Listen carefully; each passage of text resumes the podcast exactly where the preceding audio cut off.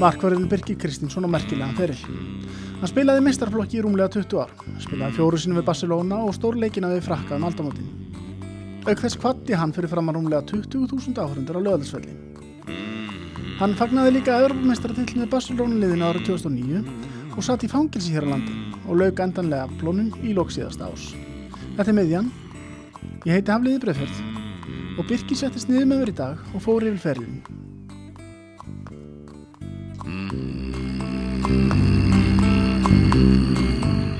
Velkomin Birkir, hvað hva er þú að gera í dag?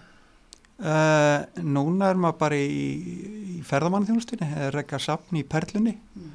Sem er nú bara lokað akkurat núna og er lokað í, í viku þannig að út frá COVID-19 þá er allt stopp. Skrifnar aðstæður í þjóðfélaginu. Já, þetta er alveg magnað að maður skuli upplifa þennan tíma. Eh, 10-12 árum eftir þetta fjármálarun hérna þá er eitthvað svona ástand sem að er já, mjög óvinnilegt.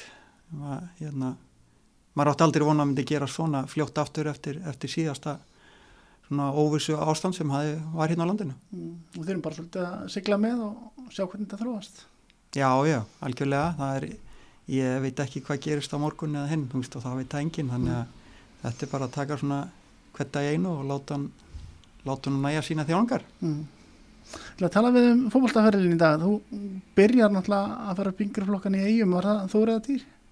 Eh, Það var uppaflega týr síðan yfir í þór með miklum látum, þar voru menn ekkert að skipta um milli, eh, milli þessara félaga, en það var eitthvað sem kom upp þá og ég skipti yfir og, og, og síðan var þetta eh, var það svo sem IBVF í, í, í þessum eh, flokkum þegar koma, var komin í annan flokk og síðan meistarflokk. Þú áttum maður erfitt með að fyrkja það að skipta á milli. Já, það, það, voru, það voru smá læti en, Mm. en þú veist, maður var bara ungur þetta, bara unglingsárunum Já, það var svona ýmislegt að prakkarast á hann en þetta kom upp og já, það var ekkert allir sáttur svo skrítið þannig í eigum að, rosamikið rífur milli þessari liða svo enda allir saman í IBF. Já, þú veist, þetta var búið að vera eh, mikil umræð um þetta náttúrulega að, að, að vera með svona tvö lið Mm. hversu, hversu hagst þetta væri fyrir eh, svona varandi styrkleika og annað að, að, hérna, en, en, en, en gott varandi það, við fengum alltaf leiki vorum að spila innbyrðis og, og, og hérna, að mörgur leiti hendaði mjög vel en síðan held ég allir hafa nú verið sáttir þegar að þegar að samenningin ásýrun þannig sé stað og allir spilundu merkjum í BVF. Maður finnur jafnvel meira þess að þegar maður tala við eigum í dag, það er ennþá rífur á milli þós og tís. Já, já, þetta er ennþá hann alveg algjörlega, það er rétt hjá þér, þetta er, þetta er svolítið magnað. Mm. Ég, ég er svo sem ekki, ég held að þessi kannski í þeirra, þessari kynslu undan mér meira, held ég, ég, hérna, eh, þetta allavega er ekkit svona, já, ristir ekkit djúpt hjá mér. Mm. Skrítið samt að fókbaltaferðilin þinn byrjar ekkert í sem meistarflóksmaður í eigum heldur á vopnaferði, hvernig kom það til? Með einarja. Já, ég verið út í eigum og, og hérna síðan var ég svona, ég var í öðrum flokk og var að dett við meistarflokk og Palli Pálma hérna var nú að yfirgefa svæðið þannig að ég held nú að ég fengi sénsinn þá eh, upp í meistarflokk en, en þá var fengið nýr markurður og ég var svona, ég var svona hálf full með það og, og Gústi Ball sem hafði nú verið að spila út í eigum hann ákveður að fara að þjálfa vopnaverðu og, og baði mig um að koma með sér og ég sló bara til einherja, vopnaverði. Spilaðar allir leikina í hvað næstastu dildið ekki? Jú, kallaðist þá önnur deild minni mig Mm. E, já, spila alla leikina þar sömarið 83 Mm.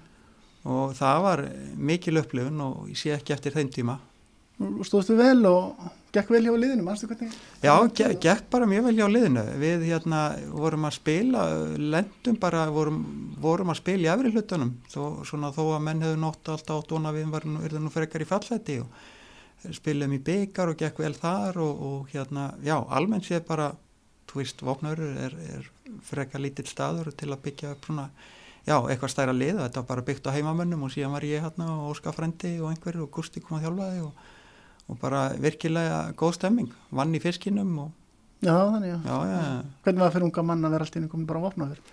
Uh, það var kannski ekki svona mikið sjokk fyrir mig komandi frá Versmanni bara inn á, það hefur annað að koma hérna úr Reykjavík og þangað en, en þetta var ekkit um, stórmál fyrir mig, maður þekkti þetta allt saman svona smá bæjar lífernið og, Mm. og fiskinn og allt þetta þannig að hérna, já þetta freka lítið samfélag en mér fannst það meiri áttar Þá heldur þú bara áfram ringferðin landi og ferð næst til Akureyri að spila með káa.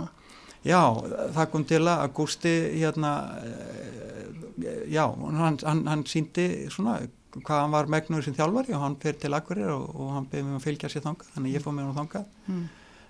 spilaði, já, það var það var hérna erfið tímabil og það ég meittist illa eh, á því tímabili Mm. Uh, ég held ég hef búin að spila eh, minni með einn eða tvo leik í deildinni. Mm. og það var byggarleikur á móti val hérna á hlýðarenda Mm. og Gummi Þorbjörns var komin inn í gegn hjá Volsunum, ég fór eitthvað á mótunum. Ég manna það var svona, hafði ringt og, og völlur nervur, þannig að ég hefði sett einhverja þvíleika dundur takka undir hjá mér, þannig að ég festist eiginlega með uh, löppina í, í, í grassinu og, og síðan kom þungin af líkánum yfir og, og löppin var eiginlega bara eftir. Þannig að eh, þetta leit mjög illa út. Uh, sem betur fyrir var voru að spila á móti val, þannig að Grímur Sæm var bakvörður. Mm. og það var kallað á grím. Það þegar, þegar menn koma þarna fyrst að mér þá, þá snýr allir við.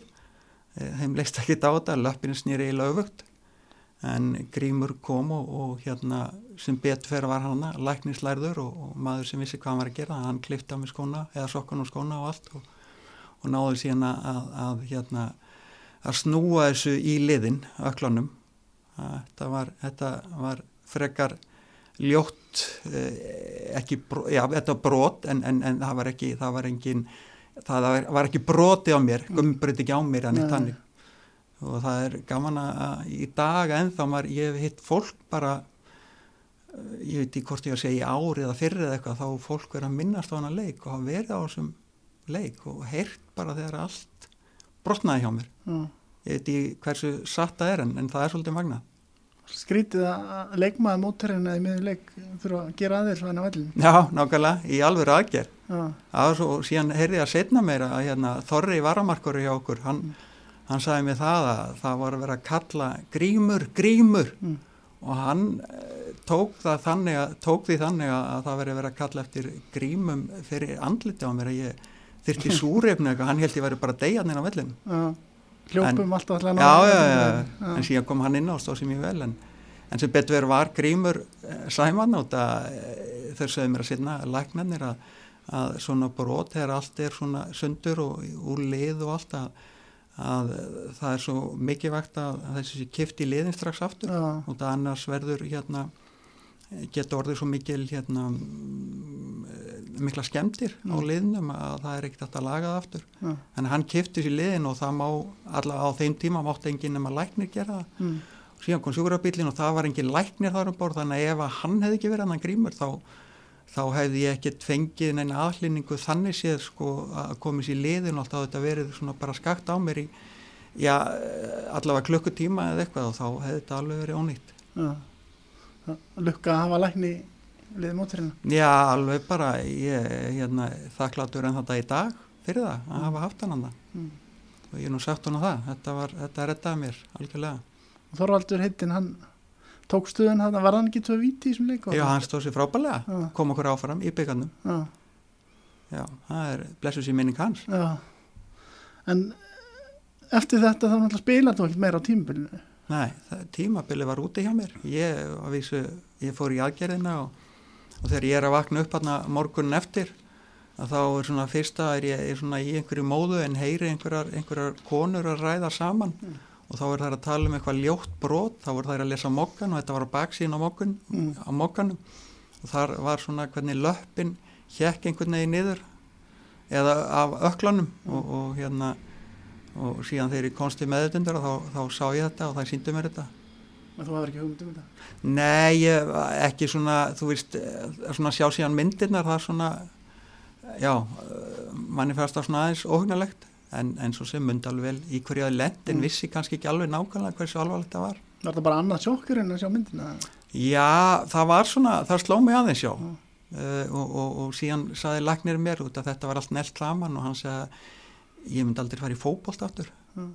það var bara þannig, það var það alvarlegt en heldur áfram hringferðinni og næsta sumar ertu komin til upp á skaga til... Já, það, ég hérna uh, sérst, held bara mínu striki þannig, þetta var náttúrulega sjokkalend í þessu en, en, en uh, þegar að svona var laus úr gifsunu þá þurfti ég eiginlega bara að læra að lappa upp á nýtt og það var allt fast í öklunum á mér og engin reyfing og neitt. En að, og allan næsta vetur var ég á sjúkarþjálfara uh, upp hvern einasta dag og, og reyna að koma mér í stand en var ekki í raunminn eitt lið þannig. Mm. síðan bara fekk ég ringingu einhvern tímanu veturinn frá Herði Helga mm. og hana Skaga. Mm sá mæti maður ringd á mig og, og, og vildi fá mig upp á skaga sem að mér fannst náttúrulega faránlegt og það, þar hafi verið Bjarni Sigursson og landslýfsmarkverður og, og já, besti markverður landslýfs á þeim tíma og hann var að fara til Brann, minni mig uh, og hörður hörður ringir í mig, ég veit nú ekki akkur í anskotun ringir á mig og það það var ekki svo ég að vera að sína neitt á mínumatti uh, og hann spjallaði mig og ég, ég náttúrulega var til að slá til 1, 2 og 3 mm. og já, æfi náttúrulega bara á fullu allan veturinn og koma uh, löppin í stand mm. og spila síðan fyrsta leik í móti uh, 85 mm. Það gekk bara nokkuð vel Já, það var bara hérna frábær hópur að koma inn í sem var þannig mm. upp á skaga með hörði í fórustinni og þú veist Siggi Lár heitinn, Siggi Donna og Kalli mm. Þórðar, Gauji Þórðar uh, Sveinbjörn Hákonar Gussi, allir þessi strákar. Veist, þetta var náttúrulega hópur sem var búin að vinna tilla mm. þarna árunum áður og var búið að vera besta lið á Íslandi. Þannig að það var ekki slemt að detta inn í þennan hóp. Og sérstaklega upp á Skaga og það, Skagamenn eru svo brjálaður í fókbóltanum að það var alveg frábært að spila þarna. Var, taka... var skrítið að kynast Akranis viðhórunni þannig Já, þetta var svona svolítið nýtt fyrir mér, ég er svo sem hafi verið í eigum og, og, og verið upp á vopnaðrið en, en þetta var eh, svona toppaði það svolítið, mm. þú veist að áhugin er svo gríðalegur þú, já, upp á skaga þannig að það er ekki bara, þú ert ekki bara að spila leikin, þú þart að ræða fókbólta næstu 23 tíma eftir leikin mm. við hvort sem það eru leikmenni eða í vinnunni eða bróta götu eða í sjópunni mm þannig að það var, það, það var já, virkilega gaman að vera spilandi þarna upp á skaga. Og spilar ekki fyrstu Európa-leikina þarna? Þetta, þetta samar Jú, ég voru Európa-leikir og, og, og Európa-leikir og Európa-leikir áfram áfram næstu já. ár. Út af þarna við vorum eh, gekk fínt og við vorum í Európa-kjefninni minni mig löllesið ár. Út af við vinnum síðan byggarinn árið eftir. Mm. og þannig að það var bara áframaldandi Európa-kjefni mm eitthvað, eitthvað, ég sá gamalt viðtal við því frá 85 fyrir leik gegn Aberdeen. Þá stóðum við að tala um viðtal sem þú varst í skoskum fjölumölum en þú var aldrei að tala við Blaman næstu þessu? Já, það er, það er rétt, já, ég man eftir þessu. Ég, ég var búin að glemja þessu. Það er rétt, þeir skálduðu eitthvað viðtalið mér Mástu hvað það var, var sláttið segið í segja? Nei, það, ég bara sá það um leið það var ekki, ég hef aldrei sagt þetta. Já það er þeir höfðu bara fiffað eitthvað, eitthvað viðtal mm. og skrifað, skrifaða niður og þetta var eitthvað, eitthvað fyrir leikin mm. og bara hvernig mér leist á leikin og eitthvað, ég haf aldrei mér haf aldrei leitið svona leikin eins og þeir voru að skrifa. Þannig að ég, er búin að búin að glemja þessu en, en ég, þetta kemur upp í huga núna. Mm. en þá var, var ekki var ekki Aberdeen hann hérna uh, gamli United stjóri Ferguson. Já, var hann á þenn tíma, já. Við minni það, já. minni það, já, já það var, já, magnað Hvernig geng, gengur þess að við, viðregni hjá okkur? Töpuðu fyrir það? Já, við, við, við, við töp, en það, það, ég man að gekk vel í þessu leikjum, sérstaklega einna heima. Mm. Uh, gott, það var lögadagsvelli, Abedín mm. leikurinn uh, og veist, það var svo skemmtilegt í þessar Európa-kemna á þessum tíma að þetta var heima á heiman mm. og það var uh, félagin, ef við fengum heimaleikin þar að segja setnileik mm. Þá er þið oftast reynd að breyta því þannig að, að setnileikurinn er þið útileikur. Þannig að þá kemist við í frí. Var það hugsunin? Það var alltaf hugsunin. Það var skoðast borgina sem voru heimsækja. Þannig að menn gáttu fengið sér aðeins í tanna og, og, og, hérna, og jáfnvel stoppa lengur. Já. og þá var oft planað eitthvað á hópurinn skilur upp, eftir hvar við vorum að spila að farið eitthvað annað. Það var svona aldrei eiginlega mikið gert ráð fyrir að fara áfram. Mm og var, var það fyrir það fótboltin bara í öðru seti þegar að erfurkefning kom með að já, svona, þú veist eh, kannski ekki alveg en stundum var það komið svolítið á, á þetta level, Mm. þú veist móti var búið, Mm. eh, ekkert að sækja meira þangað, Mm. eh, Evrópakefni framundan, oftast voru þetta lið, eh, ég menna maður á Evrópalíki móti öllum, ja, að mjög mörgum stórun liðum, Mm. þegar ég var í framspilaði fjóri sinni móti Barcelona Mm. Og þú veist Sporting Lissabon, já, Aberdeen og þú veist þetta var hann út um allt, mm. stója Bukarest og allir þessi lið sem voru á topp á topp level á þessum tíma Mm. og þá svona kannski mátu menn eh, möguleikana þannig að þú veist eins og móti Barcelona að við vorum kannski ekki að fara að vinna hérna þó við naði jafntefli heima, þá vorum við ekki að fara að vinna á nókamp akkurat þannig að oft, já, oft var þetta svona. Satt, satt best að segja, já, þá var það þá var reynd að plana fríið í framhaldin á sinnilegnum. voru þetta ekki þá alls konar upp og komur í skemmtilegu, skemmtilegu djami Jú, jú, það var mikið djam og, og skemmtilegt, menn, menn fókus er alltaf á leikin en síðan var, var mikið fjör og eftir. mm. Þannig að það var, það var svona, þetta er svolítið öðruvís í dag heldur en þetta var þá. Lendiðu nokkur í, ve- nok í vesni sem, Já, já, það, það, var, það, var, það var alltaf eitthvað, það er nú ekki að segja annað, þetta síðan vorum við ofta að flakka, ég man eftir eftir sömuleikina í Gríklandi minni við framarðinni, þá, þá færðu við eitthvað okkur á milli staða og þú veist, það var bara í sólinni og fjörinu og, og menn voru bara við sundlega bakkan og, og, og hérna eins og þetta var í þáttíð, sko, hérna nóga bjór og gaf sem að menn voru kannski ekki vannirna heima Mm. og það var bara, þetta var bara gleði og gaman. já, bjóru, hann er bara bannaðar á Íslandi Já, hann var, ég man ekki, er að hugsa akkurat nú þegar ég er að tala við þig, hvenar hann var lifður? það er 89 sko Það er 89, nákvæmlega, það er það sem ég held. Þarna var að komast út og bara í, í endalusum bjór, það var, það var volað þægilegt. mm. Manst eftir einhverjum uppákomum? Ferðan? Já, það var svona, þú veist, hérna, það var nátt hann að oftast talaða sko, uh, what happens there, stay there. það var svona líka svolítið í landslýsverðunum. Mm. Það var hérna, mennurðu oft hérna, sko það var farið um borgir og, og hérna, e, menn týndist á einhversu stöðum og, og það mátti nú sem aldrei nefna ne- meitt mikið nöfn í þessu Mm.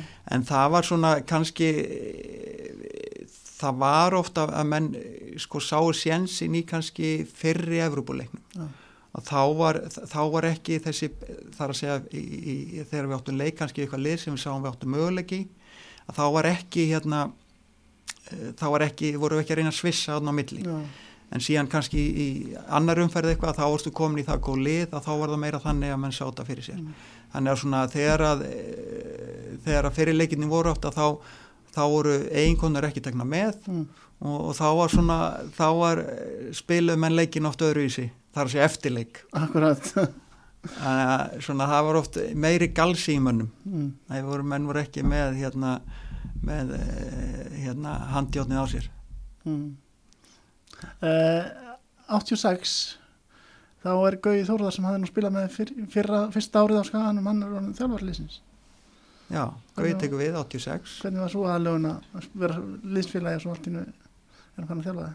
Em, Mér fannst, mér fannst það bara frábært. Uh, Gauji, nei hann er, hann er ekki 86, hann er 87 87, ok. Já, sko, Hörður Helga er 85 Jim Barrón tekur við 86 já, já, já, síðan kemur Gauji, ég spila tvö ár með Gauja Já. 85, 86 og síðan er hann orðinn þjálfar 87 ok. Og Gauji var, eh, maður náttúrulega kynst hann sem spilara og hann var harður í hótna að taka og, og beitti öllum bröðum Mm. Uh, frábær karakter og eh, mér fannst það bara einhvern veginn bara vera næsta skref alltaf að hann myndi vera þjálfari Mm. en upp á skaga átti kannski ekkit ég var svo sem ekkit viss um það Mm. en um leið að hann tók við þar þá, þá hérna var engi spurning að það voru bara mann sá fram á góða tíma upp á skaga Mm. og hann, hann hérna búin að spila lengi þekkti þetta allt saman þannig að og stóð sér mjög vel sem þjálfari þarna. En ég spilaði bara með eitt ár með honum í, í félagslið. Mm.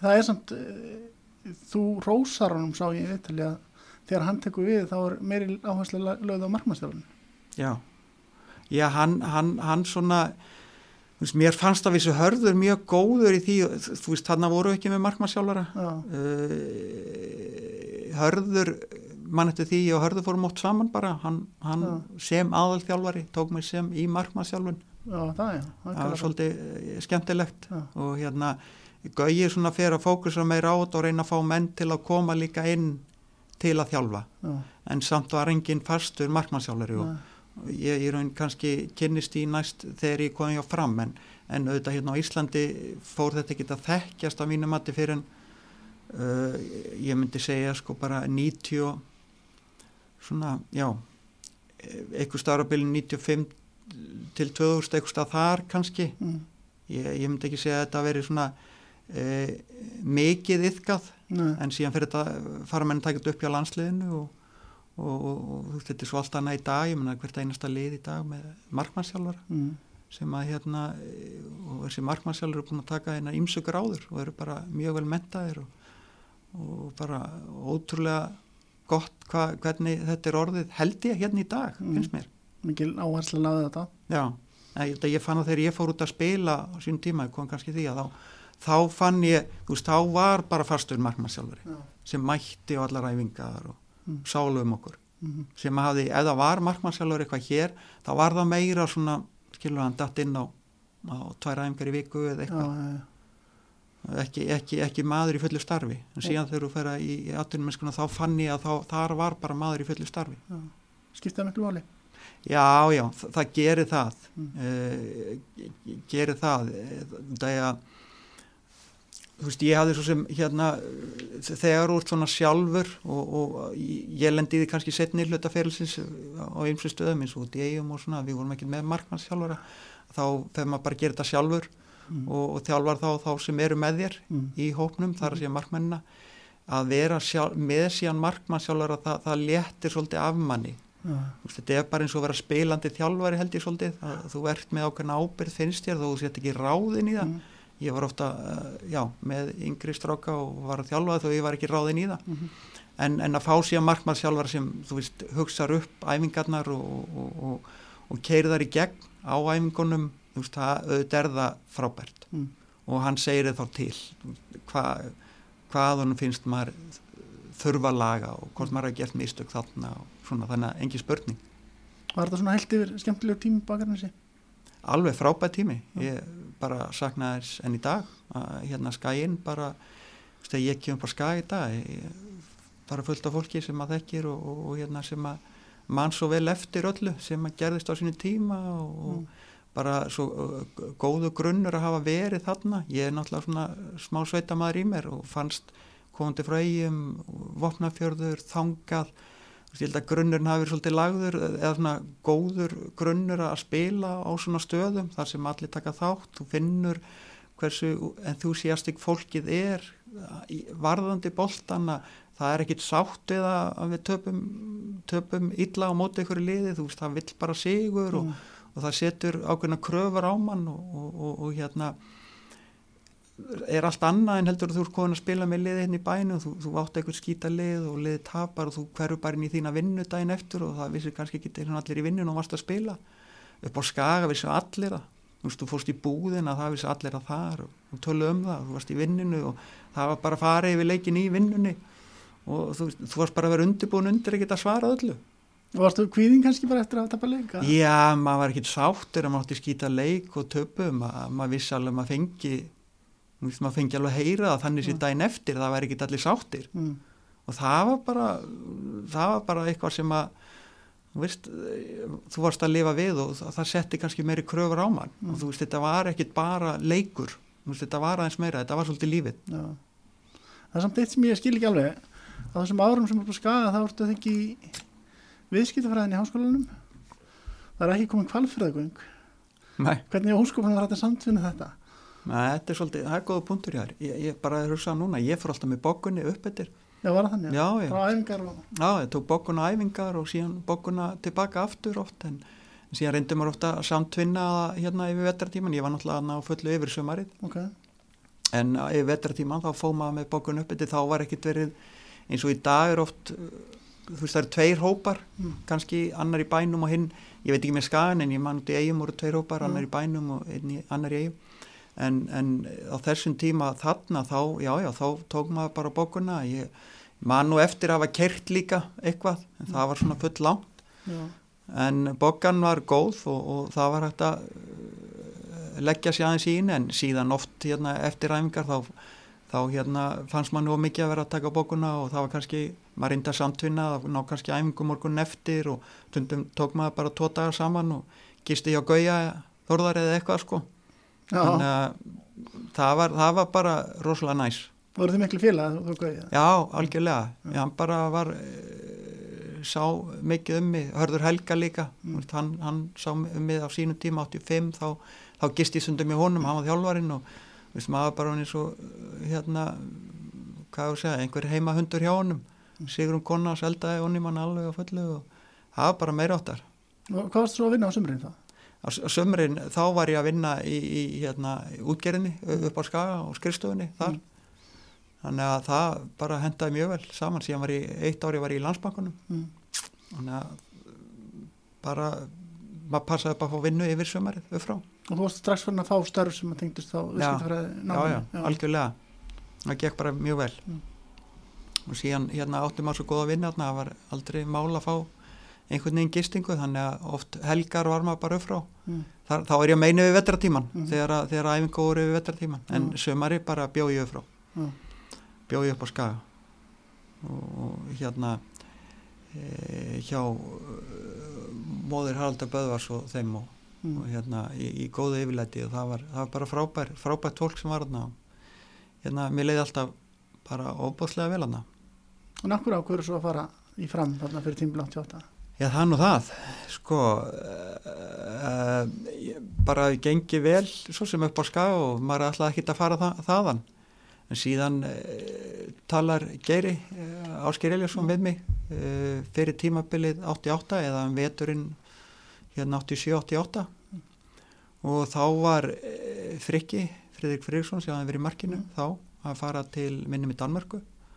Og hann, hún vantaði markmann og já, ég hérna var náttúrulega í námi hérna í bænum, var að klára virkstafræðina og var síðan eiginlega komin í vinnu inn í bænum og þetta var orðið svona aðeins erfitt að, að fara alltaf upp á skaga, vinna þar æfingar allar veturinn og allt þetta þannig að auðvita henda eða miklu betur að vera hérna í bænum mm. en uh, þetta var mjög erfið ákvörun uh, allt hjá allt hafi verið frábært upp á skaga uh, þetta var nýtt umhverfi sem ég var að fara hérna í bænum en einhvern veginn áði geiri eða að samfara mig um það að koma þetta voru þeir þá uh, meistarar mm. og, og svona allt leitur rosalega vel út í á þeim frábær stjórn á öllu eins og bara hafi verið upp á skaga þannig að fannst, mér fannst ég vera að fara bara í annan eins flottan klubb mm. þarna sá eftir ég að hafa sagt þetta og það hann ótt verið svona verið nýtt í mig sérstaklega glólið þorðar ég hef sagt í einhverju blaði upp á skaga sko, hvort það var eftir tímafili hann ég ætla aldrei að fara á hann á skaga. Mm. síðan þegar þurfti ég að ég heta það onni mig einhvern díðan hann en þú veist þetta var ákvörðun, erfið ákvörðun en hún var tekin og, og, og sá ekkit eftir því og þetta 88 rúlu við mótin upp hjá fram. 16 sigurleikir á átján? Já, það var þannig, ok, já. það var svo margir, já, já. ok. Eitt jafntöflu, eitt tap. Já Þetta er, rosalega gott tímabil Já, þetta var frábært tímabil Og svo vinniði byggjan líka, það ekki Jó, uh, sko við vinnum, ég held að hann 88 vinnum við móti, síðan vinnum við byggarinn 89, móti aftur 90. Mm.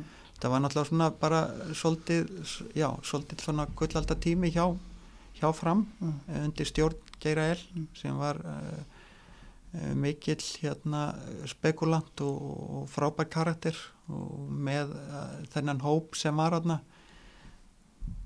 svo mikið af góðan leikmann við vorum hérna á þessum tíma voru þessi strákagummi Steinskummi Torfa, Óma Torfa Pétur Ormsle og Steini Þorstein Þorstein, Svíða Þorkels. Þetta, þetta voru svona Kitty Jóns og Stjáni allir svona þessar stöður voru allar mjög vel mannaðar. Mm.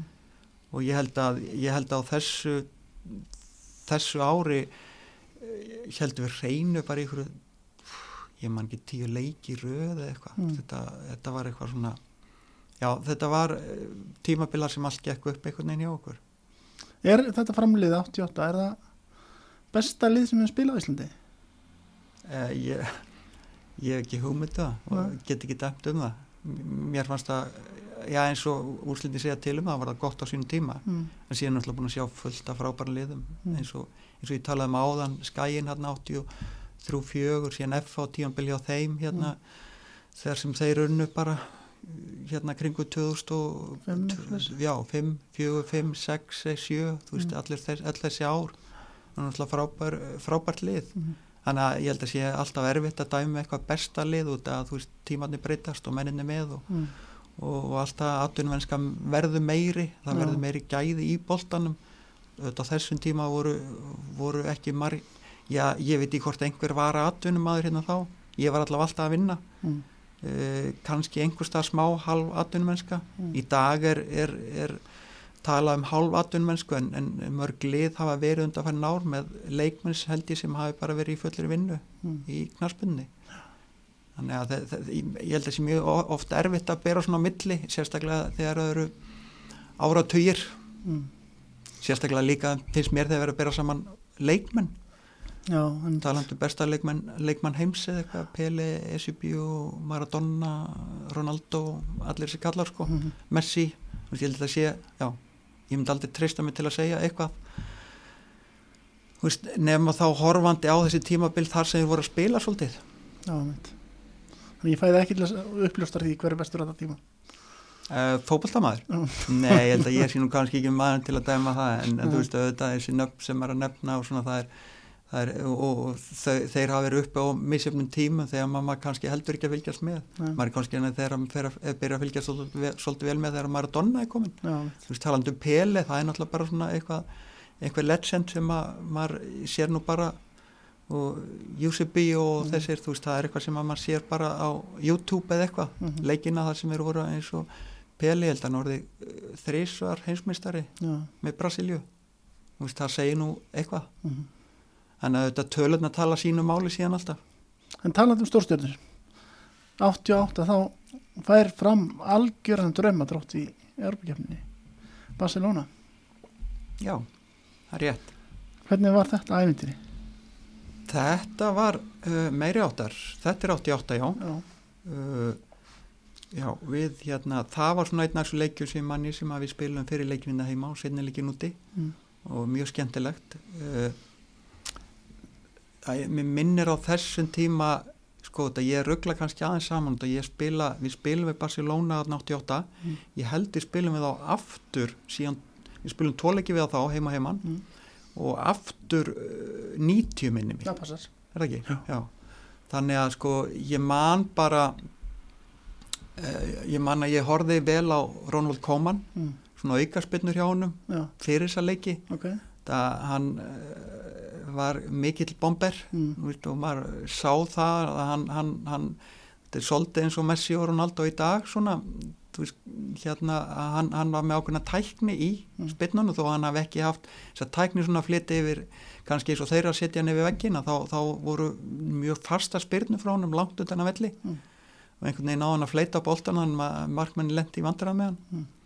ég man ég, ég, ég fylgdist vel með honum fyrir, fyrir uh, þessa leiki ég man þannig voru menni svo Mikael Látrúb líka Já. uh, menni svo Hrisko Stoitskov Mm. sem var nú mikill snillingur á þessum tíma Mhm. og síðan man ég að, að Garin Lineker uh, skoraði hjá mér í, í ég held að það sé frekar 90, hann haf ekki hann haf verið komið 90, hann haf ekki verið 88 Ok.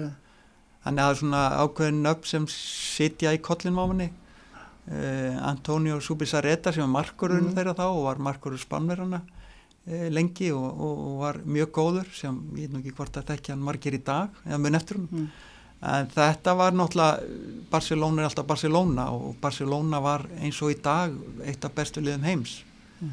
þannig að uh, bara mjög góða minningar af þessum leikjum þó að ég gleymi aldrei þau kom á, á, á núkamp að menn bara horfðu við fórum upp í stúku og horfðum yfir og mönnum fannst bara sko hérna og þegar þau kom þau fóru síðan að hitta upp að hlaupa bara á milli vorum að hitta upp Mm. að það væri svo að hlaupa þegar vorum að hlaupa milli hlýðalínu þá heldur menn að þeir var að hlaupa sko yfirvöllin Já.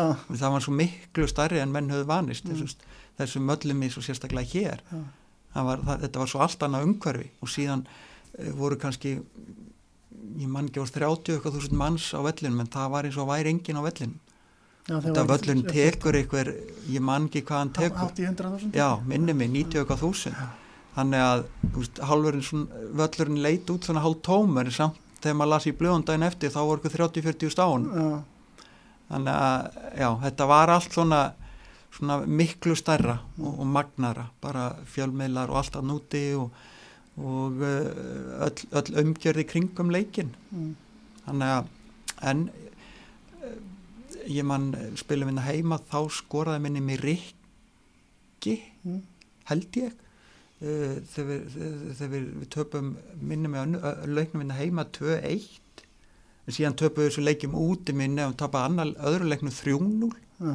og, og eða 3-1 Setnilegnum 3-0, já. já, Fyrirlegnum 5-0. 5-0 já, Já. nákvæmlega já. Að en, en sko, maður er alltaf auðvitað, maður er alltaf ósáttu við að, að fá sér mörg og það er svona ákveðin það er á, ákveðin svona lína það sem ég finnst að maður, get, það, maður verður virkilega pyrrar þegar maður fær á sig þegar maður er komið þrjú mörkin Mm.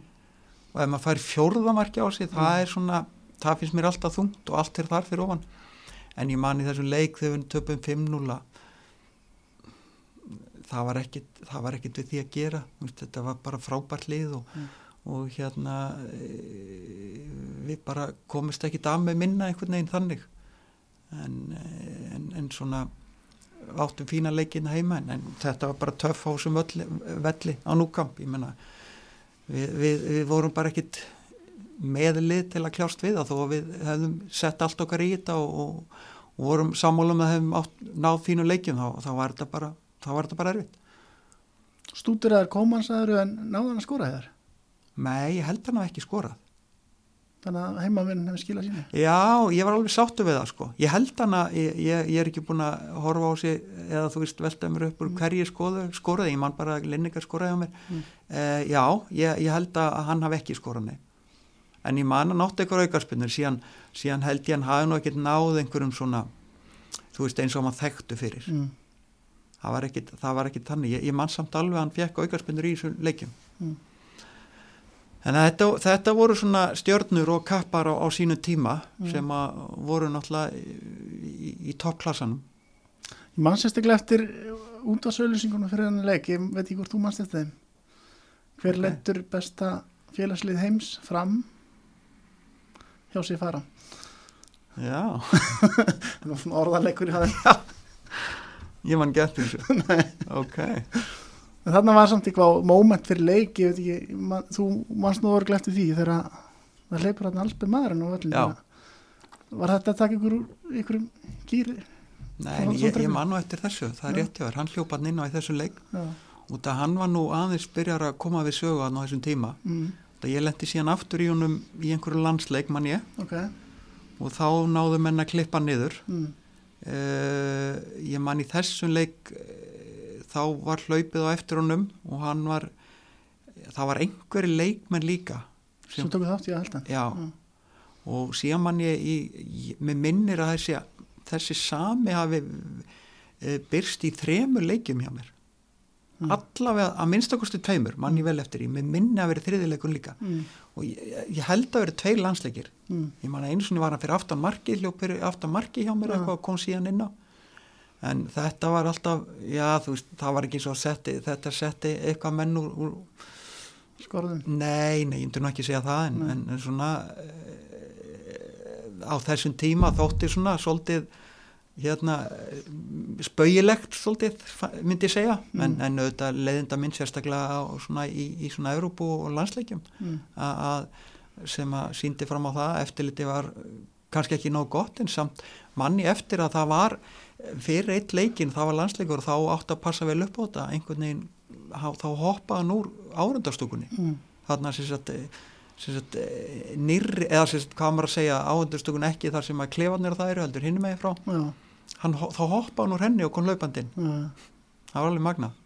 Þetta var stórskrítið. Já, þetta, þetta var skrítið, en ég held í öll þessi skipta að þetta verið sem, sami aðlinn Þú sagðir að völlurinn hafi virst vera stærri gummi steinsan eins, eins og hann hafi hlaupið og hlaupið átt að markinu og það nálgæðast bara aldrei. Var það stærri völlurinn heima? Já, það, það, það, það al, al, algjörlega, ég menna þetta voru starri vell, þetta var núkom starri völlur en flestir vellir í, Já. í svona almennt séð og sérstaklega hérna heima. Já, Ég man ekki stærðin hann 110 eitthvað. já, Eh, Þú veist, hann var meðan að venjulegu völlurinn var, ég er nú ekki snillingur í þessum fræðum, en minni minn 90 eitthvað, getur það verið, getur verið. eitthvað þannig. Já, Að það var allavega og það, það munar svona kannski um hverja metra þú ert líka sko með að anda lungun útur og með hérna þessa Barcelona-göra í bakin á þér eins og fyrir gumma þá, þá held ég að, að það munar um hvern metra Mm. í, í lengd á velli og ég man eftir í bara ég held að nú er verið hérna eh, hérna hann, hann Jón, eh, Jón Ragnar eh, Jón Erling. Jón Erling Ragnarsson. Ég minnir að það veri hann sem komst í hörku færi og hann var bara, þú veist, hann var, hann var bara hann var búinn. Þá hann kom inn á móti súpinsaretta, það bara síðan bara náðan bara valla sparka og þetta, hann var hann var, lungun voru bara búin í hann hann var búin að hlaupa svo mikið já, í, til þess að komast inn í tegin þannig að það var svona oft gert grína þessu hvað, menn voru bara svolítið búinir á þau þegar voru komist í færin ef, ef þeir komist í færin akkurat. þannig að það var svolítið að við þurftum að nýta færin virkilega vel ef við náðum Mm. en þá var, voru menn bara svona kannski áttu ekki alveg vona á að komast í færi og síðan var svona krafturinn bara svolítið búinn það var svolítið farið úr, úr blöðrunni þar að segja bara á hlaupunum út á velli Mhm. ég man líka þar, þar var, þar var völlurinn vökvaður og Mm. ekki vannir því hér Þú því? Nei, ekki hérna heima sko. Þannig að bo- boltinn spýttist mjög vel og, og, og hagnaðist vel fyrir þá sem að voru fljótari og Mm. betri tækni. Já, þannig að það var svona ofta það var í öllum tölföllum var það þeim ég vil og þegar við tala um Gumma Steins 91 þá lendi því einhverju samstöðu eða ekki, það, það var eitthvað stórskrítið dæmi Já, vel á minnst, það var skrítið dæmi Þa, þá sko höfðu við gummi spila saman í fram. Mm. Hann nokkur ár og unni tilla uh, bæði byggar og deldina og síðan fer gummi yfir í Viking og þetta er minni með 91 Sett við unnum 90 og, og Vikingar vorum við sterkir undir stjórnlóf Óla sann 91 Mhm. og Gummi var einna fremstur flokki, skoraði mikið og átti frábært tímabil og við vorum að keppa í raun fram og vikingu vorum, við vorum, þeir voru, voru bara, við vorum ég man ekki hvernig steiga eða tablan leit út nákvæmlega þarna, þetta var lögadagsvelli Mm. og uh, við Gummi kemst einn í gegn. Ég fer á mótonum og svona skuttla mig held ég svona svolítið fram með löppunum. Og við lendum saman í hnjaski og uh, ég stend upp og hann liggur bara Mm. eftir hann óvíður alveg. Og, og það náttúrulega öskrar og allt það og var kvalinn. Og allir komu hann það var kalla á sjúkraþjálfarn leikurinn stoppaður og ég veit ekki hvað og hvað. Mm. og, og menn reka augun í það að hann í eða undir hnjénu skagar svona út eitthvað hvít og menn held að það væri bara beinið að Mm. hnjéskilin hefði farið bara broti á hnjéskilina og það var allt vittlust þarna hjá vikingunum þeir vildu bara, er, mér er þið hent út af og ég veit í hvað og hvað. Ég hef bara eiginlega aldrei verið menn hafa aldrei verið svona ágengi við mig á vellinu nánast eins og þannig en ég fekk að vísu, þú veist þetta bara það var ekki svo þetta að vera viljandi hjá mér við lendum bara í samstöði og, og allt það en, en kannski eh, hef ég eitthvað sett löppina út á móti asnælega, ég, ég veit ekki, ég þór ekki að fara með ég fór bara út á mótunum, koninn í gegn og, og dómarinn allavega satt, ég var ekki, fekk ekki eins og guldspjald eða neitt hannig e, og gummi er náttúrulega bara upp á sjúkrabörðunar og fluttur fluttur upp á sjúkrarás Mm. ég síðan fer að átta mig að því að ég hérna, er eitthvað svona hvað þú segja, svona smá reyðgar á velli varandi það að, að skótnir er eitthvað asnælir og ég fyrir að kíkja undir annars skóin hjá mér, þá vantar að eitt takkan Mm. Og það kemur síðan bara í ljós að þegar, þegar gummi, gummi kemur upp á spítala þá er bara uh, læknirinn að skoða þá tekur hann bara kipir hann aðeins í og út kemur takkin þá er þetta takki sem skagaði hann út úr, úr nérnu honum þannig að það var nú ekki alvarlega það og hann spilaði bara næsta leik. Menn voru búin að tala um það, ég var búin að eðalega tímabilið fyrir hann og í hvað og hvað. En sem betur fyrr að þá bara var hann í lægi þetta var bara losa takkan og sauma og, og hann bara klár, nánast. Og eftir á bara fyndin upp okkur ah, og eftir á bara fyndin upp okkur Já, algjörlega.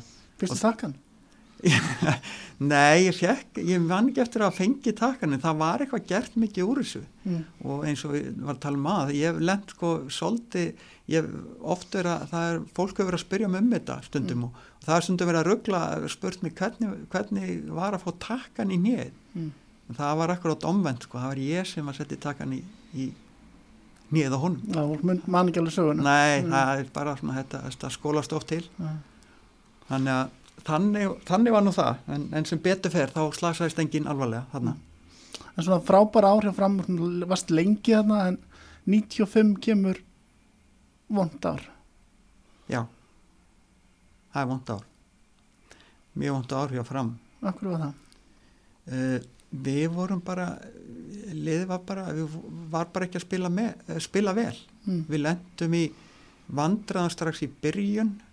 Uh, er þetta ekki þetta er 95, er þetta ekki árið sem að býtu, sko Martinir hjá okkur sko, eftir Geira tekur Áskir Sigvið og Bjarni Jó síðan kemur Martin Geir, síðan kemur Magnús Maggi Jóns. Hann er með okkur held ég uh, þarna 95 Já, ég held að og, og hérna já þetta var bara slæmt ári okkur. Ég bara og, það var í raun ekkit sem gekk upp hjá félaginu, vor- við vorum ekkit með svo auðvitað orð- auðvitað orðið ákveðin kynslu á skipti hérna hjá félaginu en samt þegar maður var fullt af, fullt af góðum strákum sem hefur verið að koma upp Mm. uh, sem að hérna sem að náðist bara ekki að spila rétt úr. Og, og, og svo fór sem fór þetta ár þið fjalluð fjalluð já. Þá ákveð þú að söðu lögum og þá ertu farin í atvinnumennskun til Já, brann eða ekki? þá fór ég atvinnumennsku þá fór ég, fór ég til Norriks Þa, það kom upp þetta haust þetta var komið upp þegar ég var að spila mótið var ekki búið. Þá var brann hérna komin í myndina Mm. og komna viðræður í gang og, og, og eitthvað þannig síðan, sem að síðan kláraðist bara hann um haustið og ég fór út uh, í einhverja pröfu og kom aftur og síðan gekk ég frá samning við og farin út.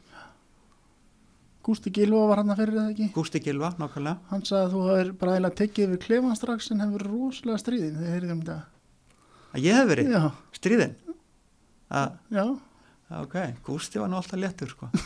Ha, ég bjó, bjó nú vel að því ég var Gústi hann, hann, hann var svona hann er svona frekar eh, slakur á því og, og, og var í góðum kontakt við e, leismennana, Mm. allt norsarar mm. og eh, hérna þannig að við vorum bara áttu mjög góðan tíma þarna saman Mm. og, og já, bara e, bara frábært að hafa hann aðna fyrir fannst mér ég, ég hef ekki viljað detta aðna einhvern veginn inn án þess að hann hefði verið þú veist, mér er það mjög gott að svona fyrsta skipti þannig sé í atvinnum sko. Mm. þó ég var orðin þetta gamall Já, var orðin, já, 30 eða eitthvað sko. 96, já. já, þetta er 32. 90 já, ég- nákvæmlega já, já, það er rétt já, ég, ég skrif undir 31 nákvæmlega, það er rétt þannig að eh, þetta var svona bara late blooming eitthvað svona, já, en, en þú veist að það það var uh, já, ég var bara komin út hana eilum strax árið fór hana í út 95 og síðan bara ég tók upp af tímabilis eða, eða hérna undirbúinstímabilis Mm. 96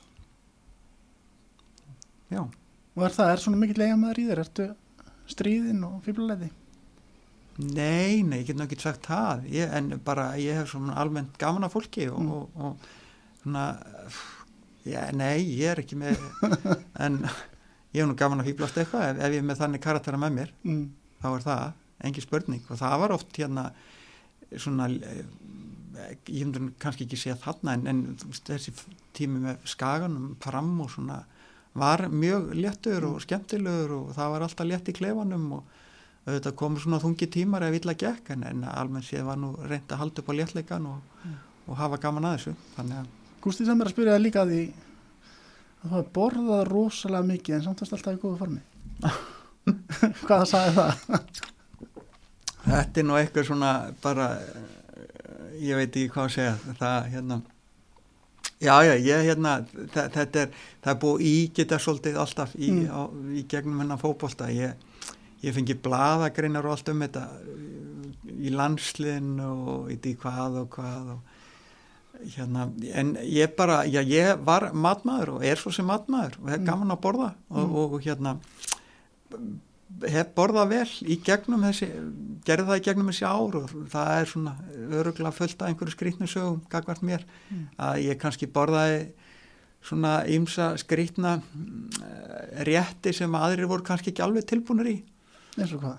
Já, bara ég manniði vorum í, í hérna í Rúmeníu það var skjálfilegu matur þetta var náttúrulega bara eitthvað, eitthvað landskólis að súpur og svona en ég let mig hafa þetta allt saman og, ég vissi af þá voru, þá voru allir, all, alla súpuskálanar komnar og borði hjá mér við hliðin á mér mm. þannig að þeir, þeir gumma þeir og fleiri sem maður vildi ekki sitt þeir, þeir koma bara með þetta til mín og ég let sem, sem vaða á það það við höfðum ekkit annað mm. það var ekkit að kaupa toblurón eða saltbillur eða eitthvað nammi sumir höfðu verið séður og kifti eitthvað í fríöfninni en mm. Ég var ekkit með þannig að ég let að hafa allt þetta dót sko, sem, að, sem að var borðið fram aðna mm. þetta var Rúmenju hérna, á sínu tíma sko, það var náttúrulega bara einræði stjórnarna og, mm. og, og, og ég man að menn voru reyna hérna múta með einhverjum tiggjópökkum eða ef að menn voru með einhverja dólar eða eitthvað, gott er kipt allt fyrir þetta mm. það var bara svona Austur-Európa þess tíma og, og þannig að matur var svolítið í samræmi við það. Já, það var bara einhverjir eh, hvað hefur segja, svona frekar ítla útlítandi kjúklingar og eitthvað mm. sem að menn bara gátt ekki hugsa sér. Og allt leiti þetta mjög ítla út á disknum en, en síðan fannst mér þetta allt í lega að borða þetta. Mm. og, og hérna, já þetta var bara svona, ég man eftir með landsleginu á Spáni þá, þá var saltfiskur og eitthvað sem menn fannst ekkit góður og þá, þá, þá svolítið, það ég komandi frá eigum að fílaði góðan fisk og borðaði saltfiskinn og, og það mönnum fannst þetta oft mjög skrítið og það er hrúið svo borðið hjá mann og ég let mig hafa það og borðaði þetta Kláðar bara fyrir alla? Já, svona, ég, nei, nei, ég, þú veist, ég borðaði nú oft, oft, oftast meir en eitt skamt, skilur það, mm. eitt skamti naði mér nokkið alveg, þannig að maður tók svona meira á diskin og var tilbúin að maður ræfði vel og, og, og það, hérna, þetta var allt einhvern veginn bara að fara út og líka mann eftir klukkutíma eða eitthvað, veist, það var bara þannig á þessum tíma. Og síðan koma með kannski eitthvað frá eím söl og svona sem að menn hérna skildu ekki hvernig ég gætt borðað eða, eða eitthvað, eitthvað svona skrítið. Þannig að ég veit ekki, þetta er nú bara eitthvað sem að hérna skapaði svona í, í, í hérna menn fór að tala um það. En ég ætla að spyrja það næst út í kannski hábúntferðarsins hjá Brann kannski er þetta besti leikur sem þú spila það er að spila við PSF Eindhoven í Európa-kjöfninni það var Európa-kjöfninni byggarhafa eða ekki? Jú, Jú held að Já, það var, það var hérna það er svona settur í, minningunni af, af öllum leikjónum svolítið, þannig mm. geta að segja annað mm. þannig kannski lík út af því að, að ég hafi verið að því byrjaði á fram þá, nei hjá brann að, að það, það hérna gekk vel, fyrstu leikin er alltaf 96 mm. síðan meittist ég eitthvað og dætt út úr liðinu hana, um sömarið mm. og kom síðan aftur inn í liðið þegar kom inn á haustið og ég man að var leikur á móti, ég held að verið trómsu mm. á, á, á brann mm. vellinu, heimalegur og ég fekk á mig svona markur aukarspinnu sem að e, var bara hérna daburt af mér. Að, það átti ekki að ég átti ekki að láta hann fara fram með mér. En hann fór einhvern veginn undir mér sér bolti. Og, og hérna það var svona, ég fekk gaggrinni eftir þann leik. Mm. Og það hefði verið þá Evrópuleikir, ég hafði spilað Evrópuleikina með minni að vera eitthvað belgislið á undan þessu og við vorum komnir í við vorum komnir í, í leikina Pér Svaf 16 leiðúslit? Já, 16 leiðúslit mm. Minna sko að ég hafði spilað Pér Svaf leikin heima og síðan hafið þessi hérna trómsuleiku komið alltaf inn á milli já, já. minni mig og mm. þá kom svona gaggrinni á, á býtu á ég, hvort að ég ætti að fara að spila þennan leik mm. á móti Pér Svaf síðan úti á, á, á Philipsstadion mm. uh, og hérna þannig að já, fekk gaggrín á mig og eitthvað svona og þjálfarinn bara svaraði fyrir þetta og allt og ég var svo sem alveg, ég var svo sem ekki bara alveg 100% að ég myndi verða uh, verða nummer eitt í þessum leik Mm. en ok, síðan kemur á, leikdag og, á svona uh, skýta, skýta viður bara brjála rókarna og, og ringdi alveg frá að byrja að rigna í hátinu en að leikdag og bara ringdi og ringdi allan daginn og all kvöldi bara völlurinn var bara nánast á það var allavega konu hann. Ég man þetta voru svona mjög erfæður aðstæður. En og, og, ég var allavega í liðinu og við hérna náðu jafntöfli við þá mm. komumst yfir og kom, já, vorum yfir allan leikin og þeir náðu jafna rétt í lokin og við fórum áfram sem sagt í Járburkenni og þetta var svona leikur sem var mikið gert úr að hérna já, hann í Nóri út að, að hérna við höfum komist áfram unni félagi fengið einhverjar ég man ekki þess að fjáraðir þess tíma Nei. allavega að tala um einhverja stóra fjáraðir fyrir að fara hérna áfram Já. og allt þetta og já, og svolítið mikið gert úr þessari hérna bara hvernig það gengi hjá mér og eitthvað það hafi verið gaggrinni og allt þetta þannig að já, þetta var stór leikur svona, þú veist, það bara einhvern veginn gekk allt upp, bara einn af þessum leikjum En þú varst hetjan.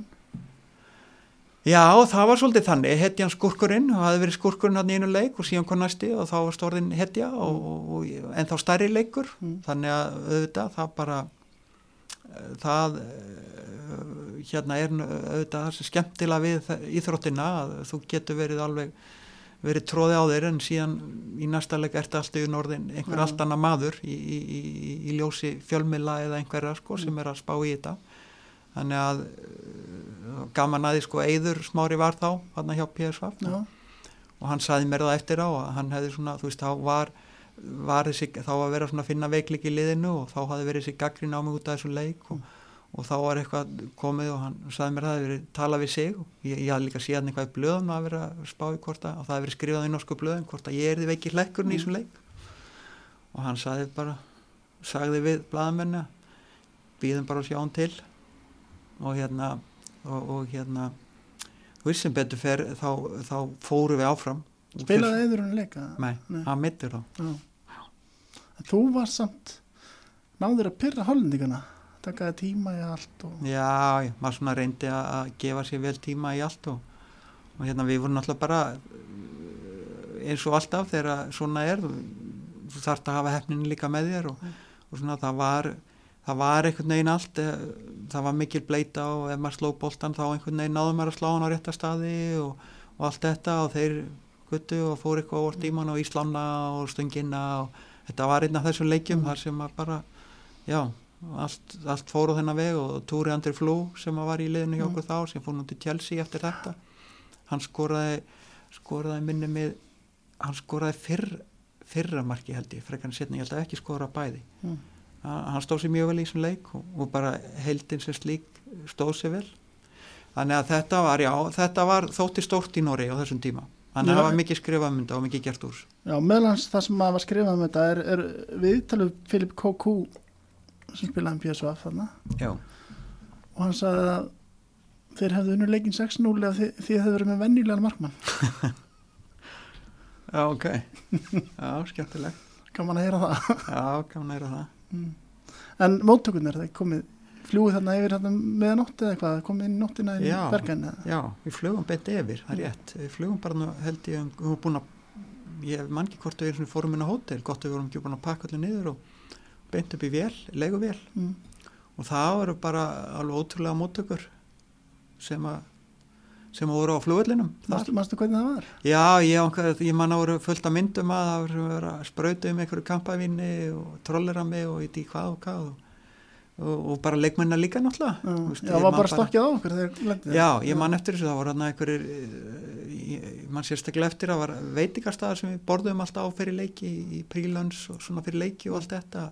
Hann var komin hann með kampavín og allt og, og það ég bara man eftir í bæjablöðunum að þessu og ég man ekki hvort það var í stærri norskublöðunum, það var allavega myndað mér hann að fór síðan og eitthvað svona hann við, við þetta fjör Mm. hann við móttökunar. Mm. Það var bara, það var bara ótrúlega gaman, gentilegt, Mm. virkilega.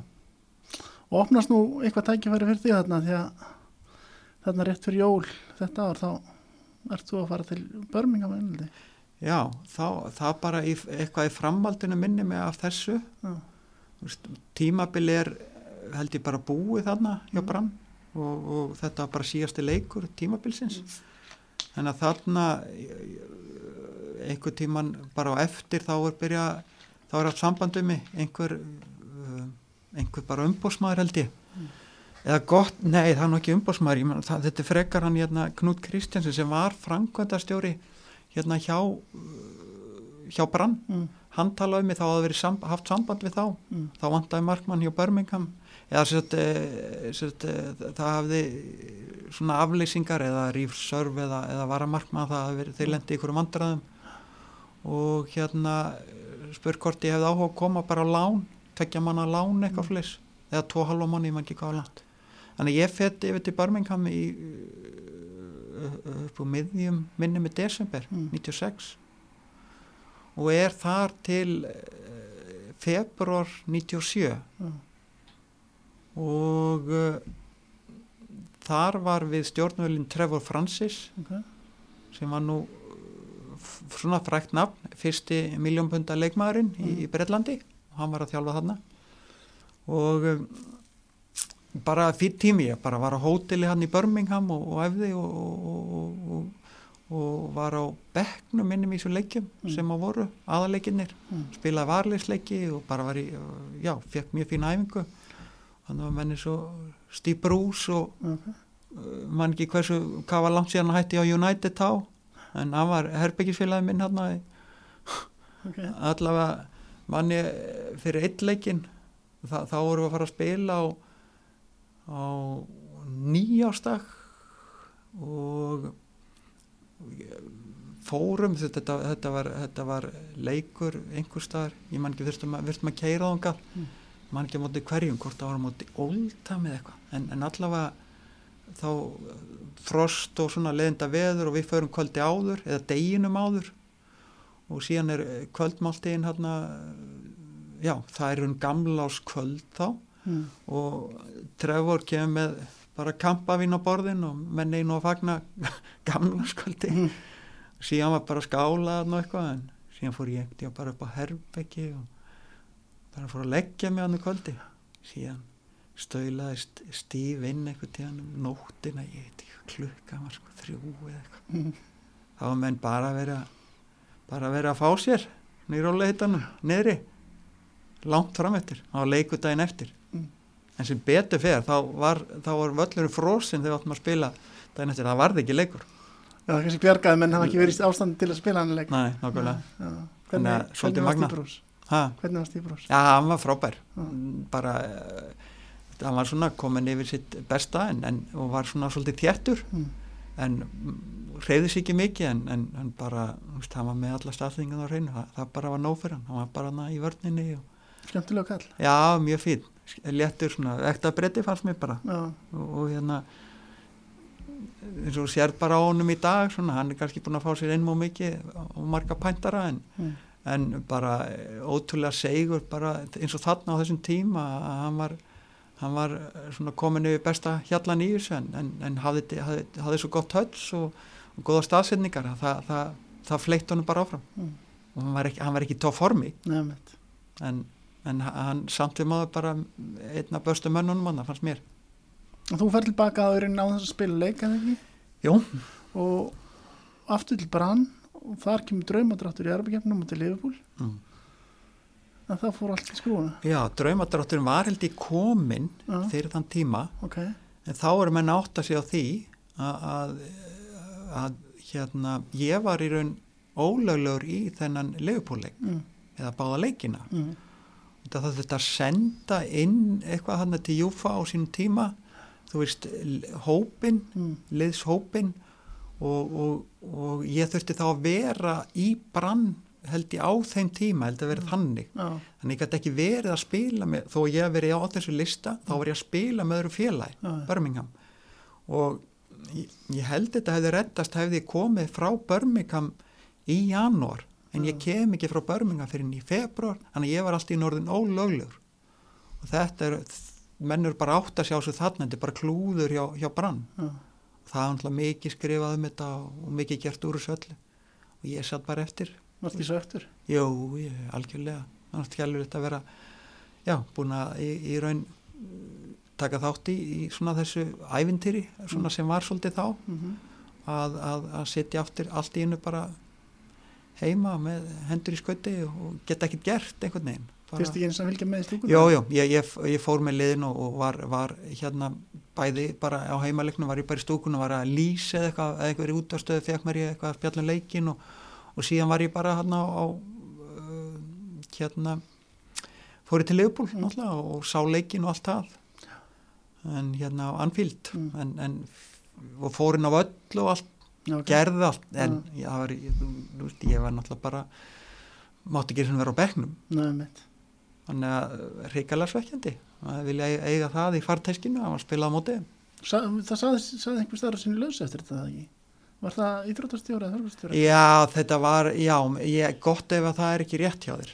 Að, að, að bara þetta var það mikið klúður að hann, hann átti ekkit afturkvæmt. Já, og, og maður, maður skildi ekki að við látum vita einhvern veginn eða eitthvað, eitthvað aðgerð, þú veist, ég kem bara heim og eða til brann og, þá allt í nú kemur þetta bara allt í ljós Mm. og, og, og maður bara, já svona var bara staðan, ekkert við því að gera mm. Klára svo tímbil hvað 97 og Já, klára tímabil 97 og, og, og, s- og fer þá til Svíþjóðar eftir það Já. tímabil. til Norrköping. Norrköping, já. Hvernig var það þar? Það var bara, mér, mér líka rosalega vel þar. Mm. Uh, sko, er í raun, hvað á að segja, áttaði nú kannski ekki lámi fyrir svona, ég kem á staðinn og svona að, að, að ég- var, þeir voru með hérna unlingalandslega 21 árs landsliðsmarkun, Eddi Gustafsson Mm. og sem var svona að gera tilkall líka inn í alhansliði hjá þeim Já, síðana og var bara mjög góður og efnilegur og ég var svona, ég heldur að við svolítið fengið mig þar að segja, komin á þennan aldur Mm. svona til að vera bakk upp fyrir hann og, og stiðja hann í, í því sem hann var að fara inn í mm. þannig að ég er ekki, ég byrja ekki tímabilið þarna ok. en vinn við síðan inn í lið og spila síðustu leikina þarna Mm. og var, sem að var frábært ég, ég, sé ekki eftir þessu tímabili ég, mér líka mjög vel gó, frábæra markmannsjálfara góðan þjálfara uh, góðu mannskapur gaman í svíþjóð, gott að vera hana mér har bara einhvern veginn allt vera bara þó ég hef ekki verið að spila hana fyrst Mm. til að byrja með Nei. þá, þá er það ekkit sem að angraði mig þannig, eða þú veist að þetta vildi maður spila en, en svona eftir á að higgja víst ég næja að spila hann í lokin Mm. og þá vorum við veist, við vorum svona, svona bara í neðri hlutanum í, í botbarátunni og náðum að, gera góða hluti í lokin e, e, gekk vel hjá mér í, í þessu leikjum þannig að ég bara var sáttur Mm. Svo kemur allt í hennu annað skrítið aðeins til að þú fer bara til boltanum veturinn. já, það? þarna, þarna er ég að byrja að huga sko, fekk eitthvað, eitthvað, eitthvað átti möguleika að vera áfram út í Svíþjóð Já, Eh, sá ekki framtíð mín alveg hann áfram eh, að ég og Eddi erum saman í Norrköping þannig að ég ákvaða að ég var með eitthvað, eitthvað liðana með, langaði, þú veist, þá komið upp með IPVAF og svona, svona pælingar um að koma heim og, og ég man ekki nákvæmlega hvernig það kemur þarna nákvæmlega en síðan ég, ég er komin heim, ég, ég held ég hef ekki voru búin að skrifa undir nýtt samning mm. þegar að boltan kemur upp það hringt í mig og boltan vantaði markmann og, og, og bara spuru hvort ég bara get koma út þetta er 15. DS eða 12. DS eða eitthvað þetta er bara hann rétt fyrir áramót og ég bara, ups, já, ok. Og, og, og fer út. Byrju þar ekki eitthvað hérna, træjal eða? Nei, nei, kom bara út og síðan bara allt í einu ég bara konin á fund hann með Colin Todd, frangotistjóra Mm. og bara eh, fólkinu. Eða þetta, hérna, ég man ekki einhverju stjórnamanni Mm. og, og bara það var eiginlega bara það var bara gengið frá samning. Að, veist, það var ekki þeir, þeir bara hittu mig og skrif undir. Það var ekkit skoðað eða ég látin gera eitthvað engin, ekki trial period eða eða medical check eða neitt. Og, og ég var bara komin á svona lánsamning hjá þeim. Mm. og tímbili bara Já, eða bara, já, mér minnir að ég man ekki, sko, hvaða var langur að hvort, síðan var hann eitthvað framlengt, ég minnir hvort þetta var mánuðið tveir og síðan eitthvað framlengt, mm. þannig að þetta var alltaf hugsunni bara svona með að hann var verið að kóvera upp ákveði tímabil þar sem að hann var mittur aðalma, eða sérst, í raun varamark og Jussi Askelænin var aðna og, og, og ég detti eiginlega inn bara með honum. Já, já. Ég man ekki hvað hann heiti sem hafi verið aðalmarkur náður Mm. eða búin að vera hann mörg ár hjá Bolton að hann var mittur Mm. og þeir mantaði bara þú veist og síðan var eitthvað þriðimarkar og þeir vildi fá þetta viðbótar þannig að ég kem hann inn en það kannski hjálpaði til að, að Colin hefur kannski rætt Guðni var hann, Eiðu var hann Arna Gunnlaugs var já. þeir voru þrýr Fjórir Félagarnir. Og, og síðan var Óli Pál, Pál Snorra var hann í, í, í já. þannig að uh, þeir hafa nú kannski eitthvað, ég veit það ekki en, en allavega uh, að þú veist að hafa svona drengi hérna á staðnum, það var náttúrulega frábært Spilaði þér eitthvað það? Nei, spilaði, við, við spilaði fyrstileikur var uh, hérna bara varlýsleikur sem ég og Eður spilum saman Mm. Og, og hérna við vorum bara þetta var alltaf nú svolítið fyndið, ég var bara hjá við vorum bara hérna á leikdag vorum við bara heima hjá honum. Bara að fá okkur seriós og eitthvað og, og horfandi á hérna eh, Jerry Maguire, Jerry Maguire með Tom Cruise Já. og hlóðum að því allan daginn hann og síðan bara allt í nú leikur með varalisliði Bolton og hérna, já, já, það gekk fín og síðan var mamma bara á sem æfingu spilast leiki, var síðan á bekknum hjá, hjá Jussi Mm. og hérna þennan tíma, ég man ekki til uh, og var bara hóteli Mm. en, en eitt í áramótunum hjá Guðna og, og ég og Eður vorum þar og bara í raun frábært tími Já, uh, góðar æfingar og síðan var uh, góð líkan sagt þarna til að þannig að maður bara einhvern veginn var í toppstandi Mm. og uh, þetta með minnir að ég fari heim eftir páska eitthvað flýst þá er ég komið með, uh, sett var ég að fara að spila með IPVaf mm. tvö, já, hann 99 held ég, já, 99, þá ertu eitthvað þrjá það, þetta er bara fyrsta skipt sem spila með IBF eða ekki? já í, í, í, í hérna Það er eiginlega efstu skrítið með að þú skulle vera upp þú ertu hvað ertu hann gammal þarna 99, 85 ára? Já, eitthvað Já, nákvæmlega. Já, já. 30, já, 35, passa það aldrei komið upp áður að fara til IBF já, þetta hafði svona, þetta var svona alltaf blundað í manni Mm. í BVF, auðvitað mm. maður fættur uppalinn og hafði mikla töga til í BVF en, en svona kannski var aldrei svona, jú, þetta hafði komið einhvern tíðan upp minni með 95 eitthvað svo lýs Mm. þarna þegar ég fer síðan út Mm. og minni með frikki frikk hafi þá farið í uh, en, en þetta var aldrei neitt alveg fyrir þarna verður þetta svona alveg já, mikil press á þetta Mm. og einhvern veginn. Og ég er bara mjög áhásamur og ákvaða að kýla það. Mm. Uh, einhver hluta vegna þá verðist þú vera eins og þú hann bara aldrei kvílt því að því að þú fyrir aftur þennan vettur svo eftir fyrsta tímbilum IBF í andunum mennsku til Östuríkis núna.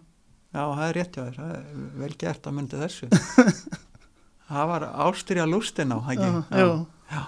Já, það, já, það er strax eftir það er eftir tímabil 99 Já. nákvæmlega Já, þá, þá kemur það upp í gegnum hvern, ég veit það ekki ég man ekkit það er einhver sem ringir á mig hérna bara og, og, og spyr hvort ég get komið út og, og það var svolítið svipað að það var ekkit að koma á eitthvað trægilega eitthvað, það er meðst, meðst markmaður Mm. og hjá Ástríða þetta þetta er bara í efstu deild hann í Östuríki og, en þetta var lið sem var bara að berjast í, í botninum. Já, og ég fyrir bara út bara með eina tösku og, og bara var komin á æfingu samdagus og síðan var bara leikur 20 og senna Mm.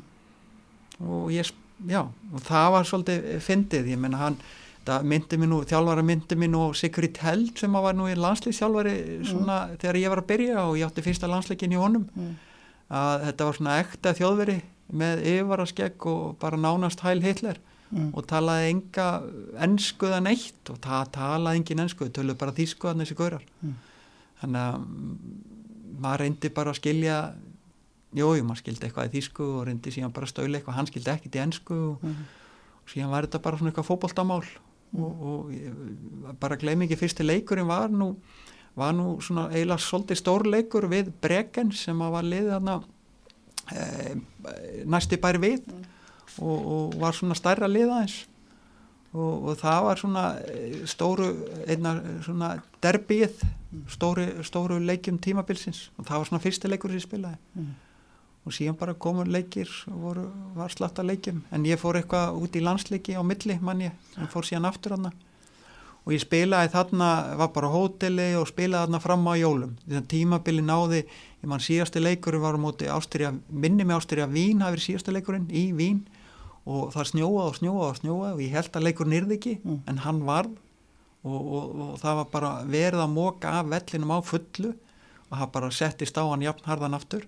Við, en spilum samt inn að leika það var alveg fáránlegt. Ég hef aldrei spilað við svona það var bara, þetta var bara einhver snjóbolti. Já, en við minnum að það hafi verið síðasti leikum þá kom inn, inn í desember og, og það var bara að snjóa svo rosalega en það var allt en, en þú veist tímabilið, það, það stoppar alltaf hjá þeim einhvern upp á miðjum des eða eitthvað. Og þeir böðu mér að vera áfram ég var bara með samning fram að eh, fram áramótum. Ég einhvern veginn, ég ákvað bara þú veist, ég var svolítið einn þarna og, og, og var svona bara eiginlega að læra þýsku og, og spila fótbolta og, og hérna var ekki á neinu rosa skemmtilegu hóteli og ég var svona eiginlega minn lakkaði bara, já lakkaði til að komast heim Mm. og, og já þetta var mm, svona lið sem að myndi alltaf vera að ströggla í en við vorum á fínu staðarna við náðum að vinna okkur aðeins upp við, þetta var lið sem að var alltaf bara að ströggla í, í, í, í neðri hlutan já. þannig að ég ákvað að hérna, vera ekkit lengur þannig Svo kemur náttúrulega risa dæmi þarna aldamálda árið 2000 þá er íslenski einrásun til stóksitti Já, Varst þú meðal fjárfæsta kannski ekki þar eða? uh, sko bróði minn bróði minn var uh, nokkur stór í Mm. þessum hópi. Mm, og hérna þannig að sem fylgdist með því já. fylgdist með því alveg hann í byrjun og allt það Fer, Eh. ferðu út sem markmaður? Já, það já, spila bara hann að tímabilið 2000 mýpið af og síðan ringir Gauði eitthvað tíðan í mig í eitthvað tíman þá, þá hafði þá sem var í markinu Karl Möggul, nei, nei það var Gavin Ward sem var markverði hjá þeim hann hafði meðst Karl Möggultón, hann var í markinu og, og hérna og ég eiginlega bara svona til að replacea Gavin Ward í einhvern smá tíma sem að var nú eiginlega upphælega eiginlega átti bara að vera fram ára, áramótum Mm. cirka og ég, ég man ekki hvernig ég kem hann, oktober eða november eða eitthvað ok. og er byrja á bekknum og þá er Karl í markinu í, ég veit í hver á bekknum í, í einhverja örgla þrjá, fjóra leiki eða eitthvað Mm. og síðan bara, já er ég settur í markið bara og Karl fer á bekkin þú veist, þannig að eh, ég man ekki ástæðan eða, Nei. þú veist hvort að hann hafði eitthvað klikkað eða, eða hérna, Það spulaði samtalið fullt að leikjum. Já, spilaði spilaði bara síðan alla leiki. Mm. þanga til bara fram á vorið. Þannig að það var í raun bara frábært tími. Ekki. Fekk að spila miklu miklu meira heldur en ég átti nokkuð tíma á. Mm. spila, já, fullt að leikjum að bara örglega eins og heilt tímabil hérna á Íslandi með að við leikjafjölda. Mm.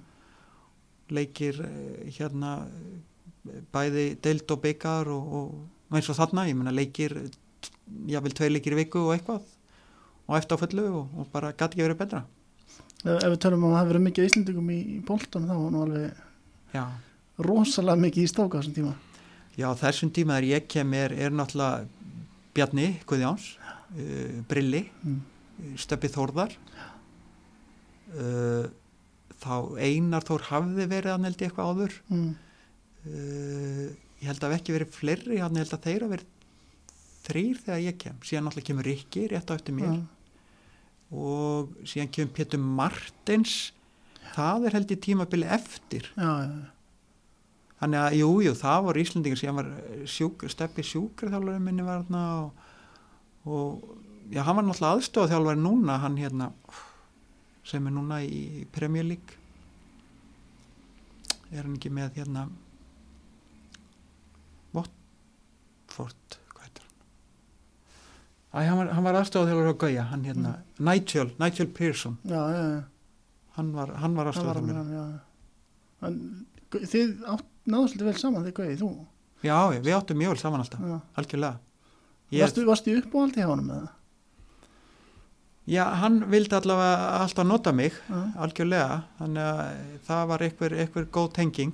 Veist, hann, að maður fann alltaf, hann gaf mér alltaf tröstið mm, og, og, og svona e, sem að er svona mjög gott fyrir markmann að, fá trösti til að leifa þér að spila þessa leiki og, það, og þó að mistökin komi og það mistökin kom alltaf hjá markmannum þá hérna þá fann maður alltaf að, að þú varst þú varst með trösti frá honum eins og maður kannski hafði frá þessum þjálfurum Geira El og, og Herði Helga og fleirum að, þegar þú hefur svona tröstið hjá mönnum þá hérna þá er auðveldara að spila finnst mér.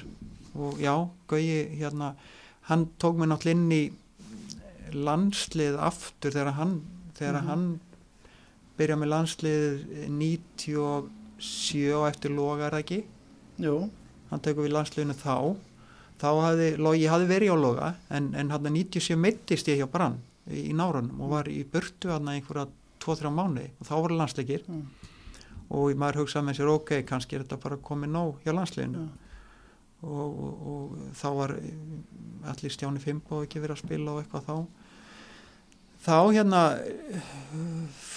leit sömmer eða hérna sendur sömmer minni mig hérna 97 já, þá held ég að Gauja talaði um mig og beðum að koma þá var eitthvað ræfingaferð til eitthvað. Mm, Þannig að hann tók mig inn þá, síðan talar hann um í stók, já, já, er algjörlega, það er alveg rétt, ég menna hann, hann allavega, hann hafði einhverja trú á manni og, og tilbúin að gefa manni trösti til, a, til að spila.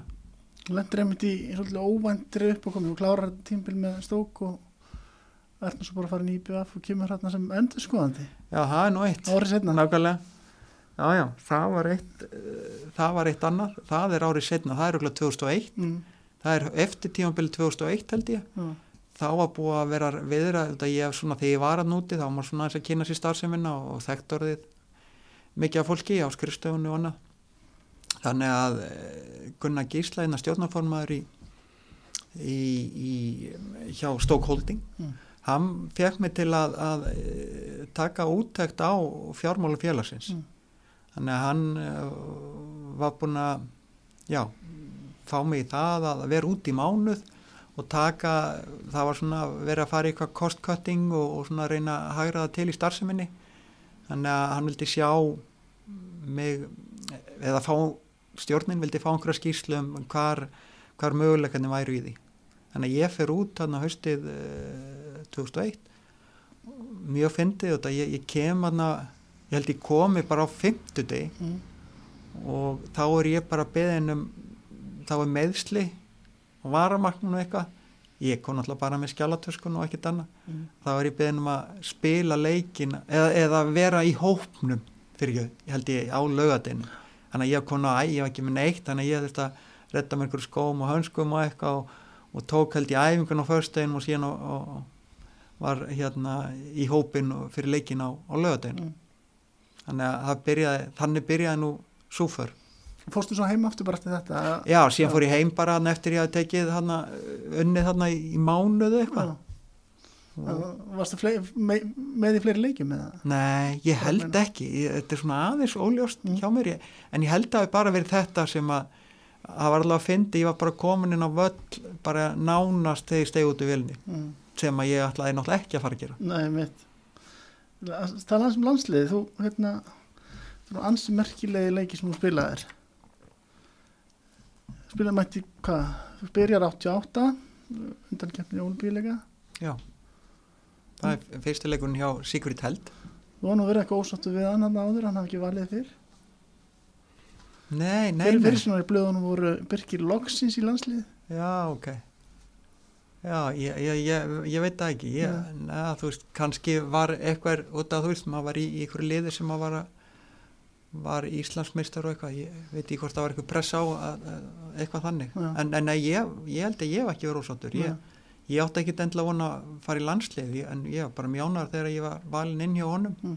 En það var svona á síðustu, síðasta tímanum hans þarna. já, og spilaði fyrsta leikin undir hans stjórn minni mig á móti Hollandi. Já, mitt, það var sér 88 Já. já.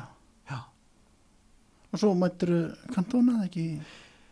Jú, ég mætti kantóna kallinum. Hérna 91 held ég. Mm. þá var Geiri El tekið við landsliðinu. Mm, en inn á milli var Bó Jóhans með landslið mm, og þá átti maður einhverja leiki þá, þá var, voru, þá var Bjarni búin að vera í landsliðinu eh, mikið, frikki frikki, eitthvað Bjarni búin að vera aðalandsliðsmarkvörður og, og það var svona eiginlega þá sem að já, ég lendi að keppa við hann og, og Bó tók mig aðeins inn þar 91. og Jóhans í 91, já 90-91, Var- 90 sorry já. já. Og, og það var það var svona aðeins eftirminnilegt tímabil svolítið að koma inn í honum síðan, eh, síðan geiru þetta þjálfari þjálfa mig fram og hann tekur við eh, landsliðinu 91 Mm. og þá hérna tekur hann mig bara inn sem hann bara kemur til mín eftir hann tók við og sagði þú eru bara, þú eru nummer eitt hjá mér Mhm. þannig að það var aldrei einhver efi hjá honum og, og það er fyrsti leikurinn með honum og, í landsliðinu fyrsti leikurinn að skeira var á móti Spáni hérna heima í, Mm. í hérna fyrir EM 2002 eða ekki? Nei hérna, eh, hérna eh, 92 92, já. Á móti Spánverunum hérna heima. Og, og það var svona svolítið fjadrafóki kringu það fannst mér. Mm. og það við um, geiri náttúrulega nýbúin að þjála fram mörg Já. ár og, og ef með einhverja þrjá, nei fimm framar í byrjunlið Já, og, og, og minni mig eh, tók út Alla og Sævar minni mig og eitthvað svona, að topp menn sem hefði verið en voru, minnir að hann setta út úr hóp þarna já. en allavega það var svona smá, smá fjöri kringu það en, en það gekk vel í þeim leik hjá, hjá liðinu við unnum Spánverðina 2-0 hérna heima Já, ok, það það var var svo svona mjög eftirminnilegu leiku líka gott. Súbisar þetta þar áttu líka. já. Já. en síðan eins og segir var Cantona, það var spilum í Fraklandi þá Já. uh, í, hérna það var um haustið Mm. Og, og Cantona skoraði tvö í þeim leikminni mig Ok, eitt eða tvö, við töpum þrjú eitt. Og það var hörku, hörku skemmtluleikur mm. virkilega, svona sittur aðeins í minningunni sáleikur líka að það, er mikið að gera og mikið fjör og, og, og, og hérna þó hann tapað þá, þá gekk, gekk bara nokkuð vel í þessu leik og þeir voru með hörkulið og, og þetta var svona á þessum tíma sem að kannski ekki mikla vendingar um, um hérna úrslita móti þessu stæri liðum Áttur ekki samskipti við kantóna þannig að það Nei, eh, minnist þess nú ekki Mm. að hafi, hafi neitt náð því mann bara fagnaði nægilega fyrir fram að nefa á mér mm. hmm. Þú mætir fleiri stórstjörnum að því að fyrst í landsleikur Ronaldo er leikur móti Íslandi Já, það er 94 nákvæmlega það, það er síðastu leikur þeirra fyrir eh, áður þeir eruðu heimsmeistarar mm.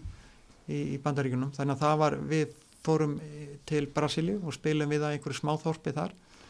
Uh, alveg meira áttastemming og, og, og það, það er svona leikur sem að sittur, sittur mjög vel í minningunni. Mm. maður þekkti nú ekki Ronaldo þá það er að segja Ronaldo hinn, eh, svona þennan eldri Mm. ekki rugglónu við Cristiano. Nei, þannig að þetta var þetta var skemmtilegu leikur mikið að gerast, mikið í gangi eh, við töpum en, og Ronaldo skoraði eitt mark mm. sem var hans fyrsta mark með landsleginu Mm. síðan var þann tvisvar heimsmeistari með Brasilíu eftir þetta og átti náttúrulega stór tímabil með, með stæðstu liðum heims Mm. þannig að Þú er ekki mikið lætið þarna stemningin í Jú. Söður-Ameríkur einstök Þetta var alveg einstök stemmingin hann var og bara þegar vorum að keira á völlin við, við, hérna þurftum að fara í einhvern smábað og keirðum í rútu í einhverja nokkra klukkutíma. Og það var bara allstaðar fólk að veifa og kalla og skjóta flugöldum og líka eftir leik, leikur var klón tíum kvöldi minni mig og þetta var, þetta var á þessum tíma alveg og ólýsanleg upplifin í raun að lendi í þessu þannig og líka Brasilíns og þeir voru með þetta lið og, og eina stór þjóðunum Talandum um ólýsinlega upplifun. Ljóðarsvöldur 1998 mútið frökkum. Já, það er nú held ég svona eitt þá stæðsti svona í út frá því hvað var e, mikið af fólki og, og góð stemming hérna á lögadagsvöldin maður, e, já, hef bara aldrei upplegað annað eins. Mm. vorum náttúrulega að spila í frakkana þá. Fyrsti leikunni þeirri eftir að þeir eru heimsmyndstarar 98 mm. þannig að þeir eh, voru alveg hlað, hliði var hlaðið stórstjörnum. Mm. Zidane og allir og, og Bartes og hvað sem þeir heita þessi görri allir. Mm. og allir, já tróðfullu völlur og, og frábætt veður og stemmingin alveg bara upp á top 10 stúkur sem voru settar fyrir aftan mörkin, þannig að fólk satt þar. Þannig að ég, ég veit ekki hvað voru margir tíðust eða eitthvað en, en, þú veist það var bara allt nei meira, það var allt tróðið Mm. Og s- skemmtilegt að fá svo stúkur hana fyrir aftan sig ég man í setni áleika ég bara aldrei lendið og það var, klappað og sungið allan setni áleikin Mm. þá var, þá var staðan þá var staðan 1-1 já þeir jöfnuði fyrir áleik Já. við komst yfir já. og það var bara allir stemdir í það að halda játtöfli sem að tókst Mm. átti svo sem ekki vonaði myndum stela sigri en, en, en allavega 1-1 á móta heimsmyndstunum var voru góð úrslit fyrir okkur. Já, geða þetta spila hann leik. Já, þetta var þetta var svona einn af þessu stóru og ég man ég ætla ætlaði nú skipta við Bartes hann hérna, eftir leikin hann, hann hljópar inn í klefa og, og það var ekkert þetta það þetta náða sko. Þeir voru svo, og ég fyrir þetta hann bara að fara að gráta þar. Já, ok. Þeir voru svo illa svektir eftir þetta allt saman. Mm. Var eitthvað að gera hjá þér eða? Já, svona þetta, þetta var ekkert einn af þessum leikjum sem voru einhverju stórleikir. En, en bara það var alveg hérna, ég minnist þessa leiks alveg svona með, með góða tilfinningu Mm. skiluðu, það var, það var allt sem að, allt sem að ok, maður fekk eitt mark á sig en, en það var svona það var perjandóttan Bartes að vera út á vagnum og gaf fyrir, ég man ekki hver skaut og ég varði ég varði vel í stöngina og síðan fór hann út þar og þar kom einhver annar og hýrtan og, og skoraði það var Mm. svona smá svekkjars í kringum markið en annars, eh, já, ég bara gekk vel en, en þetta var ekki tannig að þeir varu við vörðust mjög vel og, og, og, og hérna eh, vorum alveg ótrúlega þéttir aftur og það var meira þá fyrirgjafir og eitthvað, einhver þá langskot en ég manni áttu skot í slána einu svona vippaði yfir mig og það lendi í sláni en allt svona var, var bara velundi kontról hjá okkur Mm. Svo setnileikurinn, hann náttúrulega fer í sögubækjum líka Já. ég einhverja auðlýsingunum var sagt að við höfum tapað en önnum á næstu því Já, nákvæmlega. Það var, það var líka einn af þessum, einn af þessu stóru. Gekk, eh, eh, að spila á Pacte de Prance í tróðfullu völlur og mikið að Íslendingum og, allt þetta. Meina, og, og við skorum, Jolli skoraði og, og, og, og hérna, Hver? Grilli eða? nei, hann hérna, var það Brilli? Nei, ég held að það veri hann, svona Sigur Lár, hann hérna, Lára Sari já, ég held að Lár, var ekki þeimleik sem Lár svo skoraði. Gæti verið Að ég man eftir aukarspinnar á. Jolla, Já. minna Lórsóri hafi skorað í þessum leik en Mhm. ok, en það var já það var frábær leikur sko, fyndi að segja frá því sko, Rikki skorar skorar hérna í fyrirleiknum Mm. frábært og eftirminnlegt markinu lögatarsvöldi síðan skoraði hann sjálfsmarki í þessum leik með, með öðru skallamarki hann Já. skoraði með skallamarki og þarna var bara hotspinn og hann ætlaði að sneiða hann eitthvað en sneitt hann bara í stöngina inn hjá mér Mm.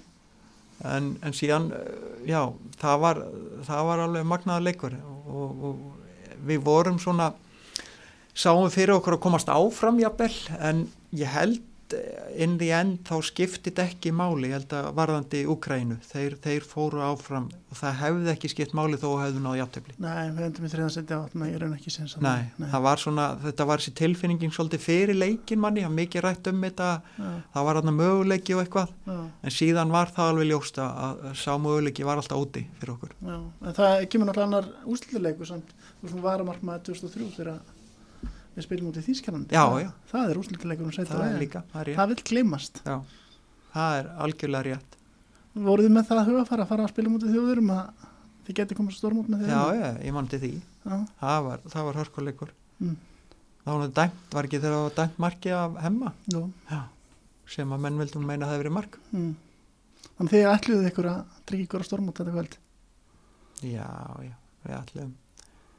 Það var alltaf svona einstinni hjá manni.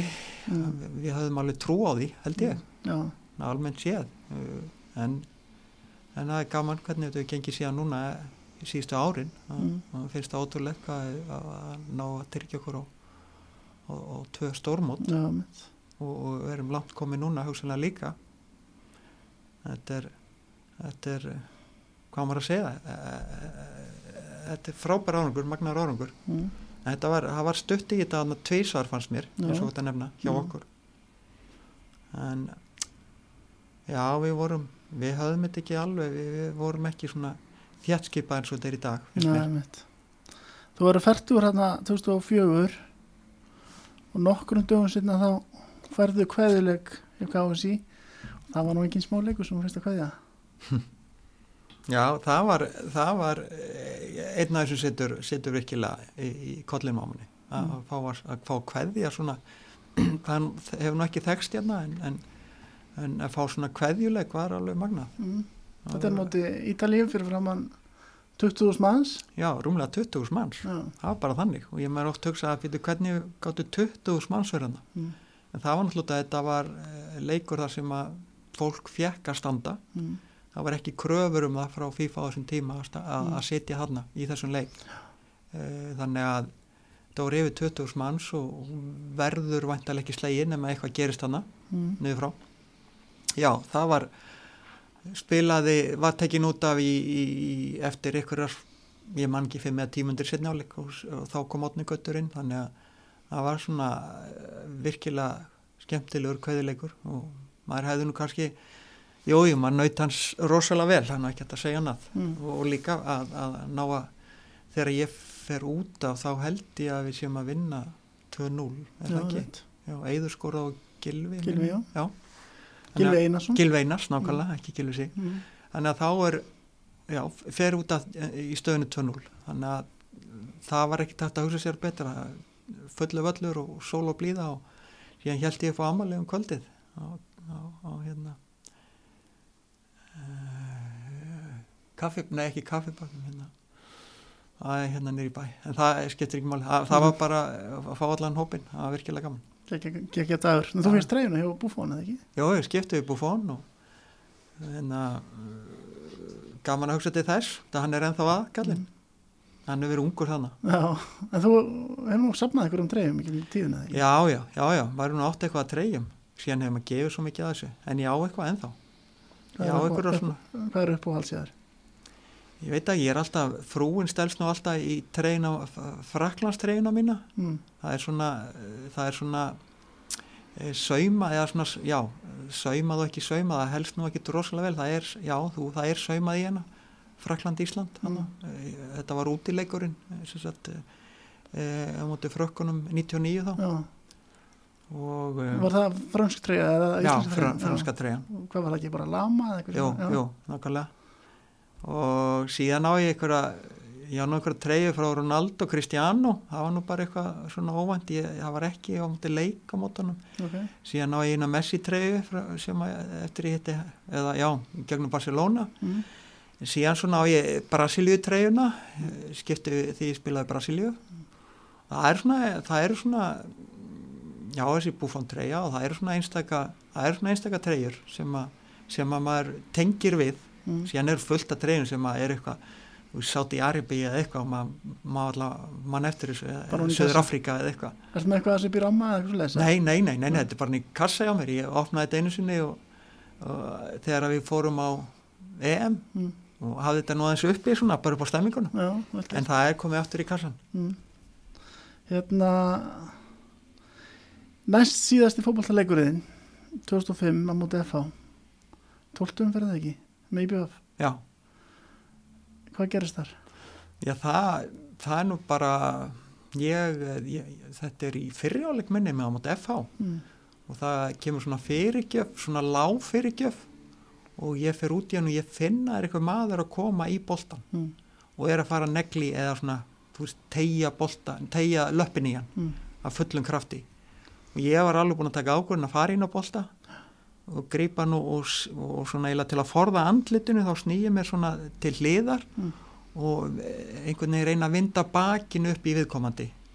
Og það bara eh, sérst, takkarnir og, og sólin af, af skónum í honum lenda beint inn í herðalblæðinu mér og í raun kljúa það niður eða, eða brýtur á mig herðalblæð Já, það var hérna Davíð Þór. Það þess Viðars. Og, og það voru já, mikla kvali við það. Ég ætlaði nú held samt ég geti klára leikin og ætlaði eitthvað að reyna að spila. Það var náttúrulega vonlust með brotið herrbla já, já, ég vissi það ekki að var broti þá en síðan bara leiði hreyfði. Ég ætlaði bara eitthvað að reyna að standa upp og, og það var bara sá það að það var vonlust þannig að ég var fluttur upp á sjúkrás og, og tekið mynd þar og þá var ljóst að þetta var bara brotið og, og þar, þar með var það tímabil farið, búið Þetta er rauninni svolítið sögulegt að því að þetta er fyrsti leikurinn í 20 ár 300 okkar leiki sem að þú missir af eftir þetta Já, það, það nákvæmlega það er, það er já, ég menna hérna heima spila ég misti held ég ekki á leik þannig, all, eins og áðurinn fyrir átunum þá átti ég tíu ár bara held ég eða eitthvað alveg streyt mm. og síðan eftir ég kom heima aftur var það held ég streyt líka já. ekki? Já. Já. Þannig að já, þannig við bara kift út. Þannig var ég lákurinn tekin bara. Mm. að hætta. Þú veist, var, þetta var þannig meðslega en hérna og, og viku fyrir þjóðatíð þannig að Mistur það þjóðatíð? Nei, ég kom mér nú aðeins út í dal en það var erfitt, ég var bara í fatla og var það að passa mig vel að mm. fá, lendi ekki utan í einhverjum eða eitthvað. Þannig að ég, jú, ég kíkti nú í dalin sleppi, sleppi því ekki.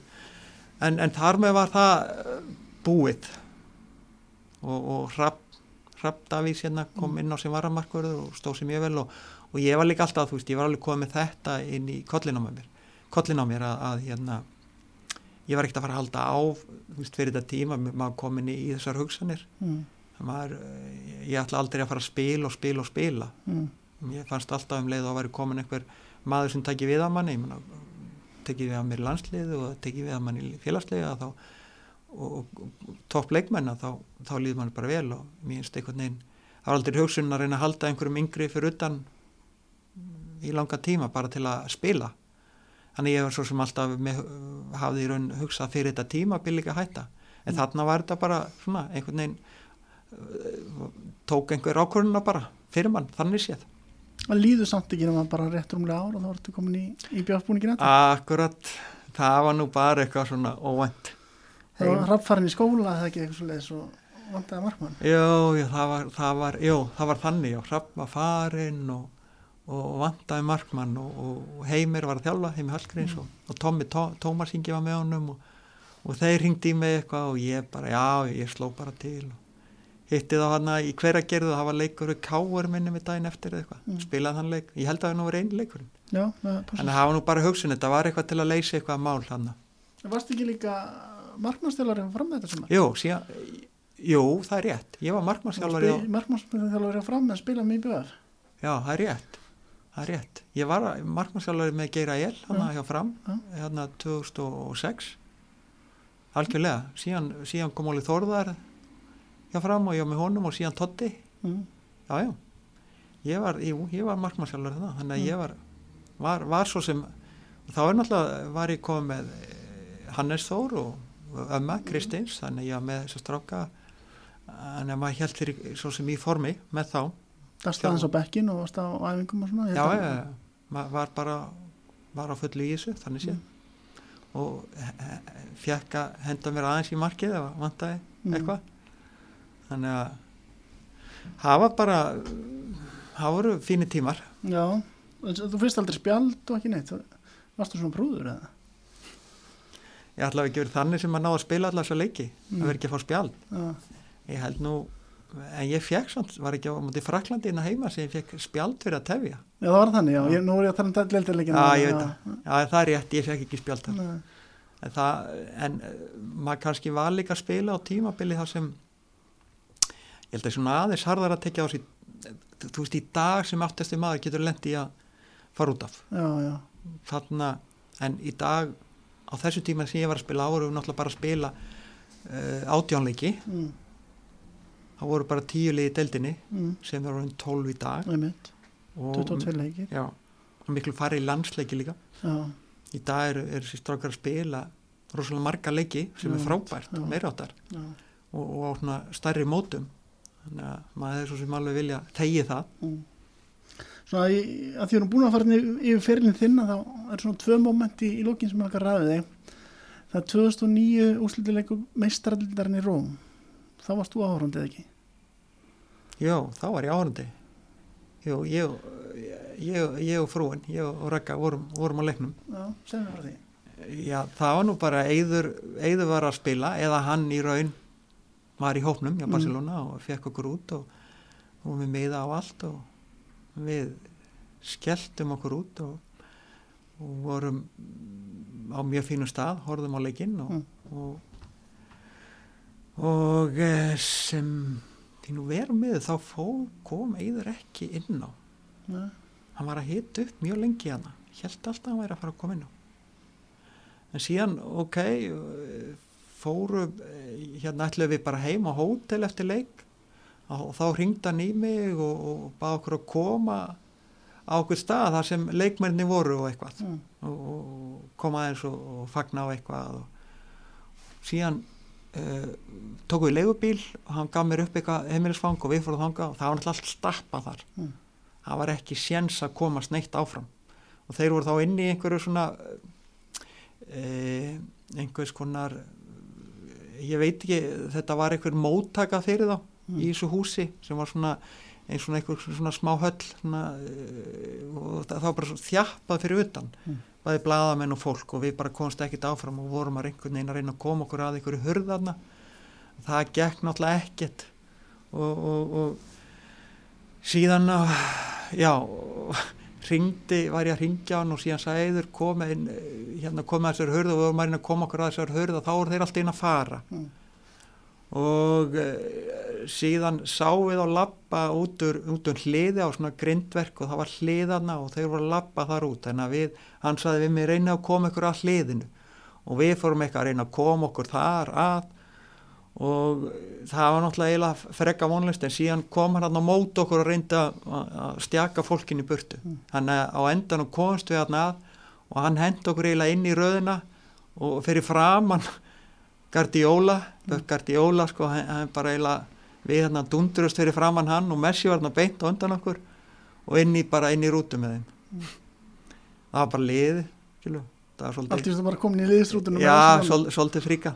Og hver, hvernig var kvöldið? já, það var bara frábært, fórum inn á hótel og með þeim og, og, og það var bara en þeir voru bara léttir þar og, og, og menna svona eins að fá sér eitthvað og, og hérna bara spjalla og, og vorum þar fram eftir nóttu Mm. og fóru síðan hérna fóru síðan eh, já, fóru síðan aðeins út á, á, á hérna eh, eftir að þetta fóru að róast hann inn á hóteli með leikmann og þá fóru aðeins út á næsta bar og, og, og um, þar var ég nú bara eins að hugsa með um að tala um þetta, þar var hérna einn hollendingur sem rakk bar þar sem var í hollenska landsleginni bara að stóla um hvað hann heitir Mm.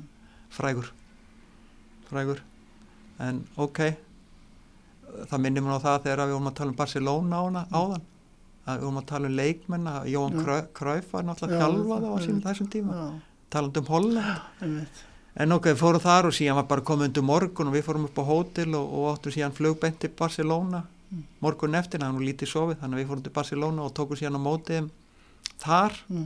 þannig við fórum ekki í Barcelona flugvilna og síðan tókum við með mótið þeim hann á Naukamp hann um kvöldið mm. þegar Veislan og Fjöri var á Barcelona þegar þeir komið þar inn á völlin Mm. að halda upp á þetta þannig að það var mikil upplöfun þetta var nokkra daga program eiginlega Og kemtist þú stjörnum eitthvað? nei, nei, nei, ekki tanni bara svona hérna hérna bara eins í gegnum þá eið þannig en, Mm. en e- ekkit, ekkit að maður jú, jú, við lendum í að sitja með eh, í mat og eitthvað manni á sínum tíma Mm. en ekki þannig að maður hafi mikið verið að spjalla við þá eða þekki þá eða telli sér þekki þá Nei. nei, nei, Einmitt. það er bara skemmtilegt að, að hérna, þetta var svona mjög óvænt, maður átti nú kannski ekki alveg vona þessu Klítur að vera á lista yfir uppáhalds djömmin þín? Já, þú fórst að minnast á þetta, ég, ég var nú alveg búin að hérna, gleyma þessu, Já. þetta var nú ekkit alveg í minninu, talandi um eitthvað ferilenda var þetta kannski ekki inn í e, þetta er eftir að ferlinu og, en, en, en hérna en skemmtilegt moment frábært. Mm. Við fórum aðeins í neikvæðar hliðar. Þú lendir í því í, í hruninu að þú ert í hruninu dæmdu bara og þú ert að taka út fangilsistóm og hvað ferða kvíabryggju bara rétt fyrir jól eitthvað árið það ekki? Jó. Ég sett fæ dómin uh, 3. des Já. 2015 Já, og bara fer beint inn í fangilsmálastofnum daginn eftir, morgun eftir mættur þar bara og, og baðum að fá að hefja aflánun var þetta ekki erfið tímasetning að velja Jó, bara í, í sjálfu sér ömulega en ég held nú allar tímasetningar séu ömulegar í þessu en, en þetta er vitt svona rétt fyrir jól mm.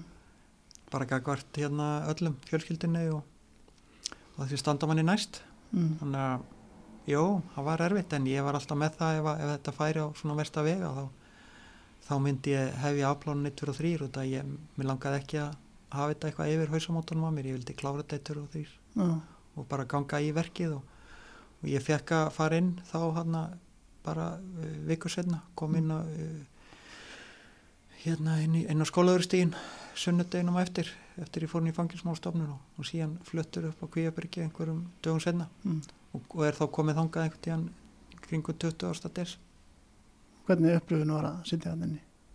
uh, uh, þetta er bara svona já, talandu skrýtna tíma Þú veist, þá voru það bara skrýtni tímar og, og, ég óska engum þess að, að þurfa að sitja inni en, en, og, og maður maður hérna maður baði ekki um það, Mm. langaði ekki til þess en, en þegar að það var góðan dómur þá var ekkit annað en að, en að e, fylgja þeim dómi og, og, eh, og býti það súra epli og, takast á við það Mm.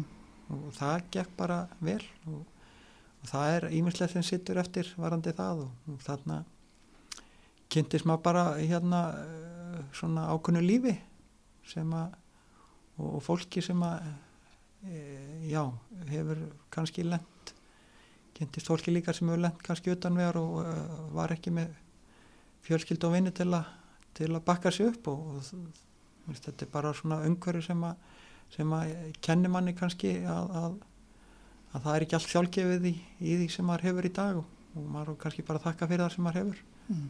En, en, en þetta var tími sem að leið fljótt og, og hérna e, með hjálp bara vinna á vandamanna þá, þá gekk það vel og það kláraðist í raun í raun endarlega kláraðist það í, í byrjun des í fyrra Það er ekki lengar síðan, já. Nei, þannig sé sko, þetta er fjara dómu þó þó að þú, þú, þú afplánar hann á ymsu stegum Já, og hvað varstu lengi þarna fyrir? Við byrja, fyrir vestan var ég hátt í ár Já, og síðan ferðin á vend og afplánar þar og síðan ferði á rafrænu já. að rafrænu afplána eða svona hérna öklaband og allt þetta þannig að þetta er svona ákveði ferli sem er, er hugsað til þess að menn byggja sér upp og komi sér aftur á, fætur og inn í, inn í þjóðfélagið ef, ef, að, ef að eh, þú er svona, eh, svona í, í ákveðnum stigum Mm. Hvernig leiðir hana? mér leið bara alveg ágætlega Mm. já já, leið alveg ágætlega þetta, þetta eins og ég segi, þetta er bara allt skrítið en, en, en og, og þú bara þú bara setur inn í það umhverfi Mm. og, og þarna var bara gott fólk og þetta var eh, miklu betur en að maður átti vona og, og gott fólk sem er að vinna þarna fangaverðir og, og, og, og þeir sem sá um þetta Mm. fórstöðumenn og allt og, og maður náði bara góðu sambandi við fólkið og, og, og hvert ekki við því fórst bara í, í ákveðin verkefni þarna og, og, og meðan að menn geta hérna, fyllt reglum og lögum að reglum þarna og, og þá á það alveg að vera eiga menn alveg, þetta er þetta, er þetta frelsisvifting Mm. og það er enginn sem óskar sér þess að vera frelsisviftur Nei. og, og það var kannski svona það erfiða þú, þú, þú ert bara þarna þú gerir ekkert, þú ferð ekkert þú fara að fara út eitthvað á lóðina og vera hans í, í kring og, en þú fjast þú gast unnið, þú gast unnið á svæðinu uh, í, í, hérna, í, í búverkum og Já. þú gast þjálfaði, haldi, haldi líkamlega lægi, bæði andlega og líkamlega þess var á þess þurfti og, og, og þannig að þú, þú færð mat og allt annað þannig að Mm. þetta er bara eh, hérna ákveðið svona umhverfið sem þú, þú ferð inn í og sættir þið við og, og lifir, lifir, lifir með því að þá, þá í mínum huga er það ekkert, ekkert stórmál Þarftu að stilla hausin bara inn á að vera komin í þessi stöðu og takast á það? já ég held að, ég held að þú eru alltaf að gera það. Já, þú veist að því er ekki að vera að velta sér upp úr þessu af hverju er ég hérna, eða hvernig ætla ég að tækla þetta eða eitthvað. Varst aldrei bitur eða neitt svolítið sem Nei, eh, sko fann það í byrjun f- og, og bitur, reyður Mm. eitthvað svona, ég fann að það, það var ég gat ekki verið með það með Nei. mér þú veist, ég varð að tækla það og, og henda því burtu frá mér Mm. það, það gera engum gott hvað sem hún stattur í lífinu það, það bara er það er bara eiturefni Mm. sem, að, sem að skemmir allt Vistu, þú getur, þú verður að sættast á sættast við aðstæðanar Mm. fyrirgefa og halda áfram burtu með einhverja reyði eða biturði eða, eða einhverja hugsan þetta er bara sama, þú spilar eitthvað þú, þú spilar eitthvað lélega leik og þú varst ósáttu við sjálfa þig og þú, þú, þú varst að velta þér upp úr þessi alla nóttina akkur, þú veist, fóri ekki í þess að fyrirgjöf? Þá hefði þið bjargað jafnvel markinu. Mhm. þið redda þessu, þú veist, ég hefði átt að taka aðra ákvörðun en, en, en það sáleikur er búin, Mm. það þýðir ekki það eðilegur bara fyrir að velta þér upp úr þessum leik fyrir næsta leik, en það er bara sama með þetta, þetta var bara búið. Ég menn það var búið að dæmi í málinu og ég ætla ekki að fara í það. Mm. hvernig, hvernig sá, þá, sá dómur var en, en, þú veist, þú, þú deilir ekki dómaran og, og þú bara heldur áfram og, og þú sættir eh, þú, þú getur verið ósáttur en, en, en þú, þú lætur ekki bitna á öðrum og Nei. þú, þú, þú áttar mér sjálfa en þú ert ekki með reyði eða bitur út í einhvern annan og það, það gerir bara illt verra og því líður bara illa þú verður að, þú verður að kasta þannig frá þér og, og bara halda áfram Gastu lært eitthvað á þessu tímabili? já, já, ég bara hugsa oft til þessa tíma Já. en, en ekki, ég er ekki að hugsa til þessa tíma og neikvæðan máta Nei. Ég hugsa bara þá til hans til þessa og jákvæðan máta og uppbyggi, uppbyggi, uppbyggilegan máta Mm. og það hérna það er allt, ég meina þú lendir inn í ykkur þarna, þú, þú ert í þú ert í þú fær dóm og, og, og, og ég var ekki að kvíja nei, ég var ekki hérna á, á litlarunni Nei, einmitt. sömulenda þar og ég, ég held að aðstæður séu já, ég, ég hefði ekki sem betur fyrir lendi ekki þar, ég hefði ekki viljað vera þar ég held að það sé að vera en þú færið þá menn af, af hérna litlarunni yfir á kvíabryggju sem eru búin að aflána þá okkur dóm Mm. þar og menn telja þá að vera að hafa unni sér inn að megafarn á kvíabryggju þannig að þú kynntist alls konar fólki og mönnum sem hafa, maður fekk fullt að reynslu, sögum frá þessum mönnum sem að sem að maður bara já, maður bara fór í rúmið á kvöldin og maður bara hugsaði um þetta hvernig, hvernig menna að fara í gegnum þetta Mm. Og, og, og hérna er síðan komnir þarna og maður bara óskaði þessi engu heitar en að, en að vonandi næður sér í, í, í, já, bara á rétt strik og ættu gott líf framöndan Mm. Að það er eh, hérna þannig að bara maður, það opnaði svo margt fyrir manni sem að maður kannski svona heimur sem að maður hafði ekki kynst áður og ekki séð og vissi í raun ekkit út á hvað gekk Mm. þannig að það, því leiti er, er já, er leita maður í þetta og þannig séð að maður hugsa, hugsa stundum um þessu hluti Mm. og Hvað- maður sér myndir og annað og maður hugsa um þetta Já, hvernig endar þetta svo? Hvað var síðasta skrefið það er í, í lók síðast árs? sko í, í raun síðasta skrefi er, er hérna öklaband Já. en síðan færðu, færðu það þegar það er klift á þér þá ertu þannig sér lauð sko en þú er samt á svona svo kallir reynslu Já, þannig að sem merkir að þú þú, þú þarfst um aður að passa ef þú, ef, ef þú brýtur eitthvað af þér eitthvað þá, þá ertu í raun búin að brjóta mm. reynslu lausnina sem ert á. Það var ekki mikið léttir í þessu lög jú, jú, algjörlega. Auðvitað mest í léttirinn þegar, að þegar þú losna við öklabandið. Já, þá ertu svona nokkur nefnir frjáls þú, það er, engin, er ekkit eftirlit með þér. Já, og þú gerir það sem vilt þú, þér er heimilt að fara ellendis mm. Á að láta vita neitt á, á, eftir þú ökl, öklabandið farið. Já. Þannig að það, auðvitað er það þar var þetta svona stóru hluta komið Mm. en síðan endar þau þart að klára þessi ár Já. Hvernig er hérna svona að lokum bara sér það ekkit fyrir þér að starfa aftur í fólklæðminum?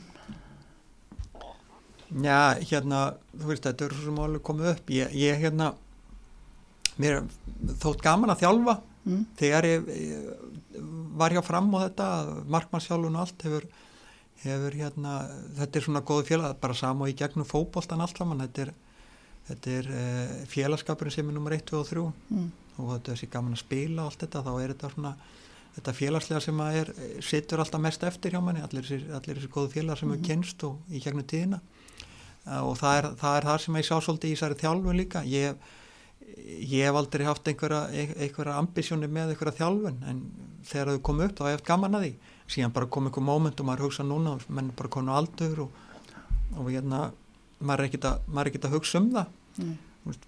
Ég held svona þegar menn hætti að spila þá eru menn kannski í þessari hugsun svolítið nema þá er ekki að tala um þessa þessar sem eru alveg sjúkir sem að geta þjálfað einhver til eru 100 ára Mhm. mm. ég er svona almennt segið, þú veist, menn hætti að spila hvort sem það er eitthvað, 35-40 og síðan þjálfa menn kannski 5 eða 10 ára eftir og síðan svolítið er þetta svona í mínum huga svolítið þarf að eiga sér ákveðin hérna endun í henn og, og að, að, hérna, að þarf að koma nýtt blóð alltaf inn í þetta og bara þessir yngri er alltaf þeirra að menta sér meira og allt þetta. Ég held að maður sé orðin svona svolítið að gamla skólanum og í þessu öllu þó að það sé ekkert slæm nei, nei, þannig að ég hef ekkert ég er ekki að leita eftir þannig og, og, en, en þetta er, þetta er alltaf mann eitthvað eitthvað í þessu sem að mann er hérna smá, smá svona fíknileg í þessu að, að, hérna, að sækja í þetta. Mér heyrðist það útilókir ekki neitt. Nei, nei, ég, ég, er, ég er ekki að leita eftir þjálfun, ég, þú, hérna, algjörlega ekki, ég hef, ekki, ekki verið að menta mig í því þannig, ég tók eitthvað markmannsþjálfunar uh, gráðu og þannig en, en, en það hef ég aldrei séð mig heldur sem eitthvað aðalþjálfara, ég, ég hef bara ekki þekkingunni, ég hef ekki, þú veist, ég hef einhverja reynslu og, og hef einhverja skoðan á hlutum en, en ég er ekki, ég er engin, ég er ekki þjálfari og hef aldrei litið á mig þannig en, en hef haft gaman að hafa svona smærri, svona, þú veist, markmenn og svona smærri hópa, ég tel mig alveg geta, hérna, gefa eitthvað að mér þar Takk fyrir að spjalla um þetta.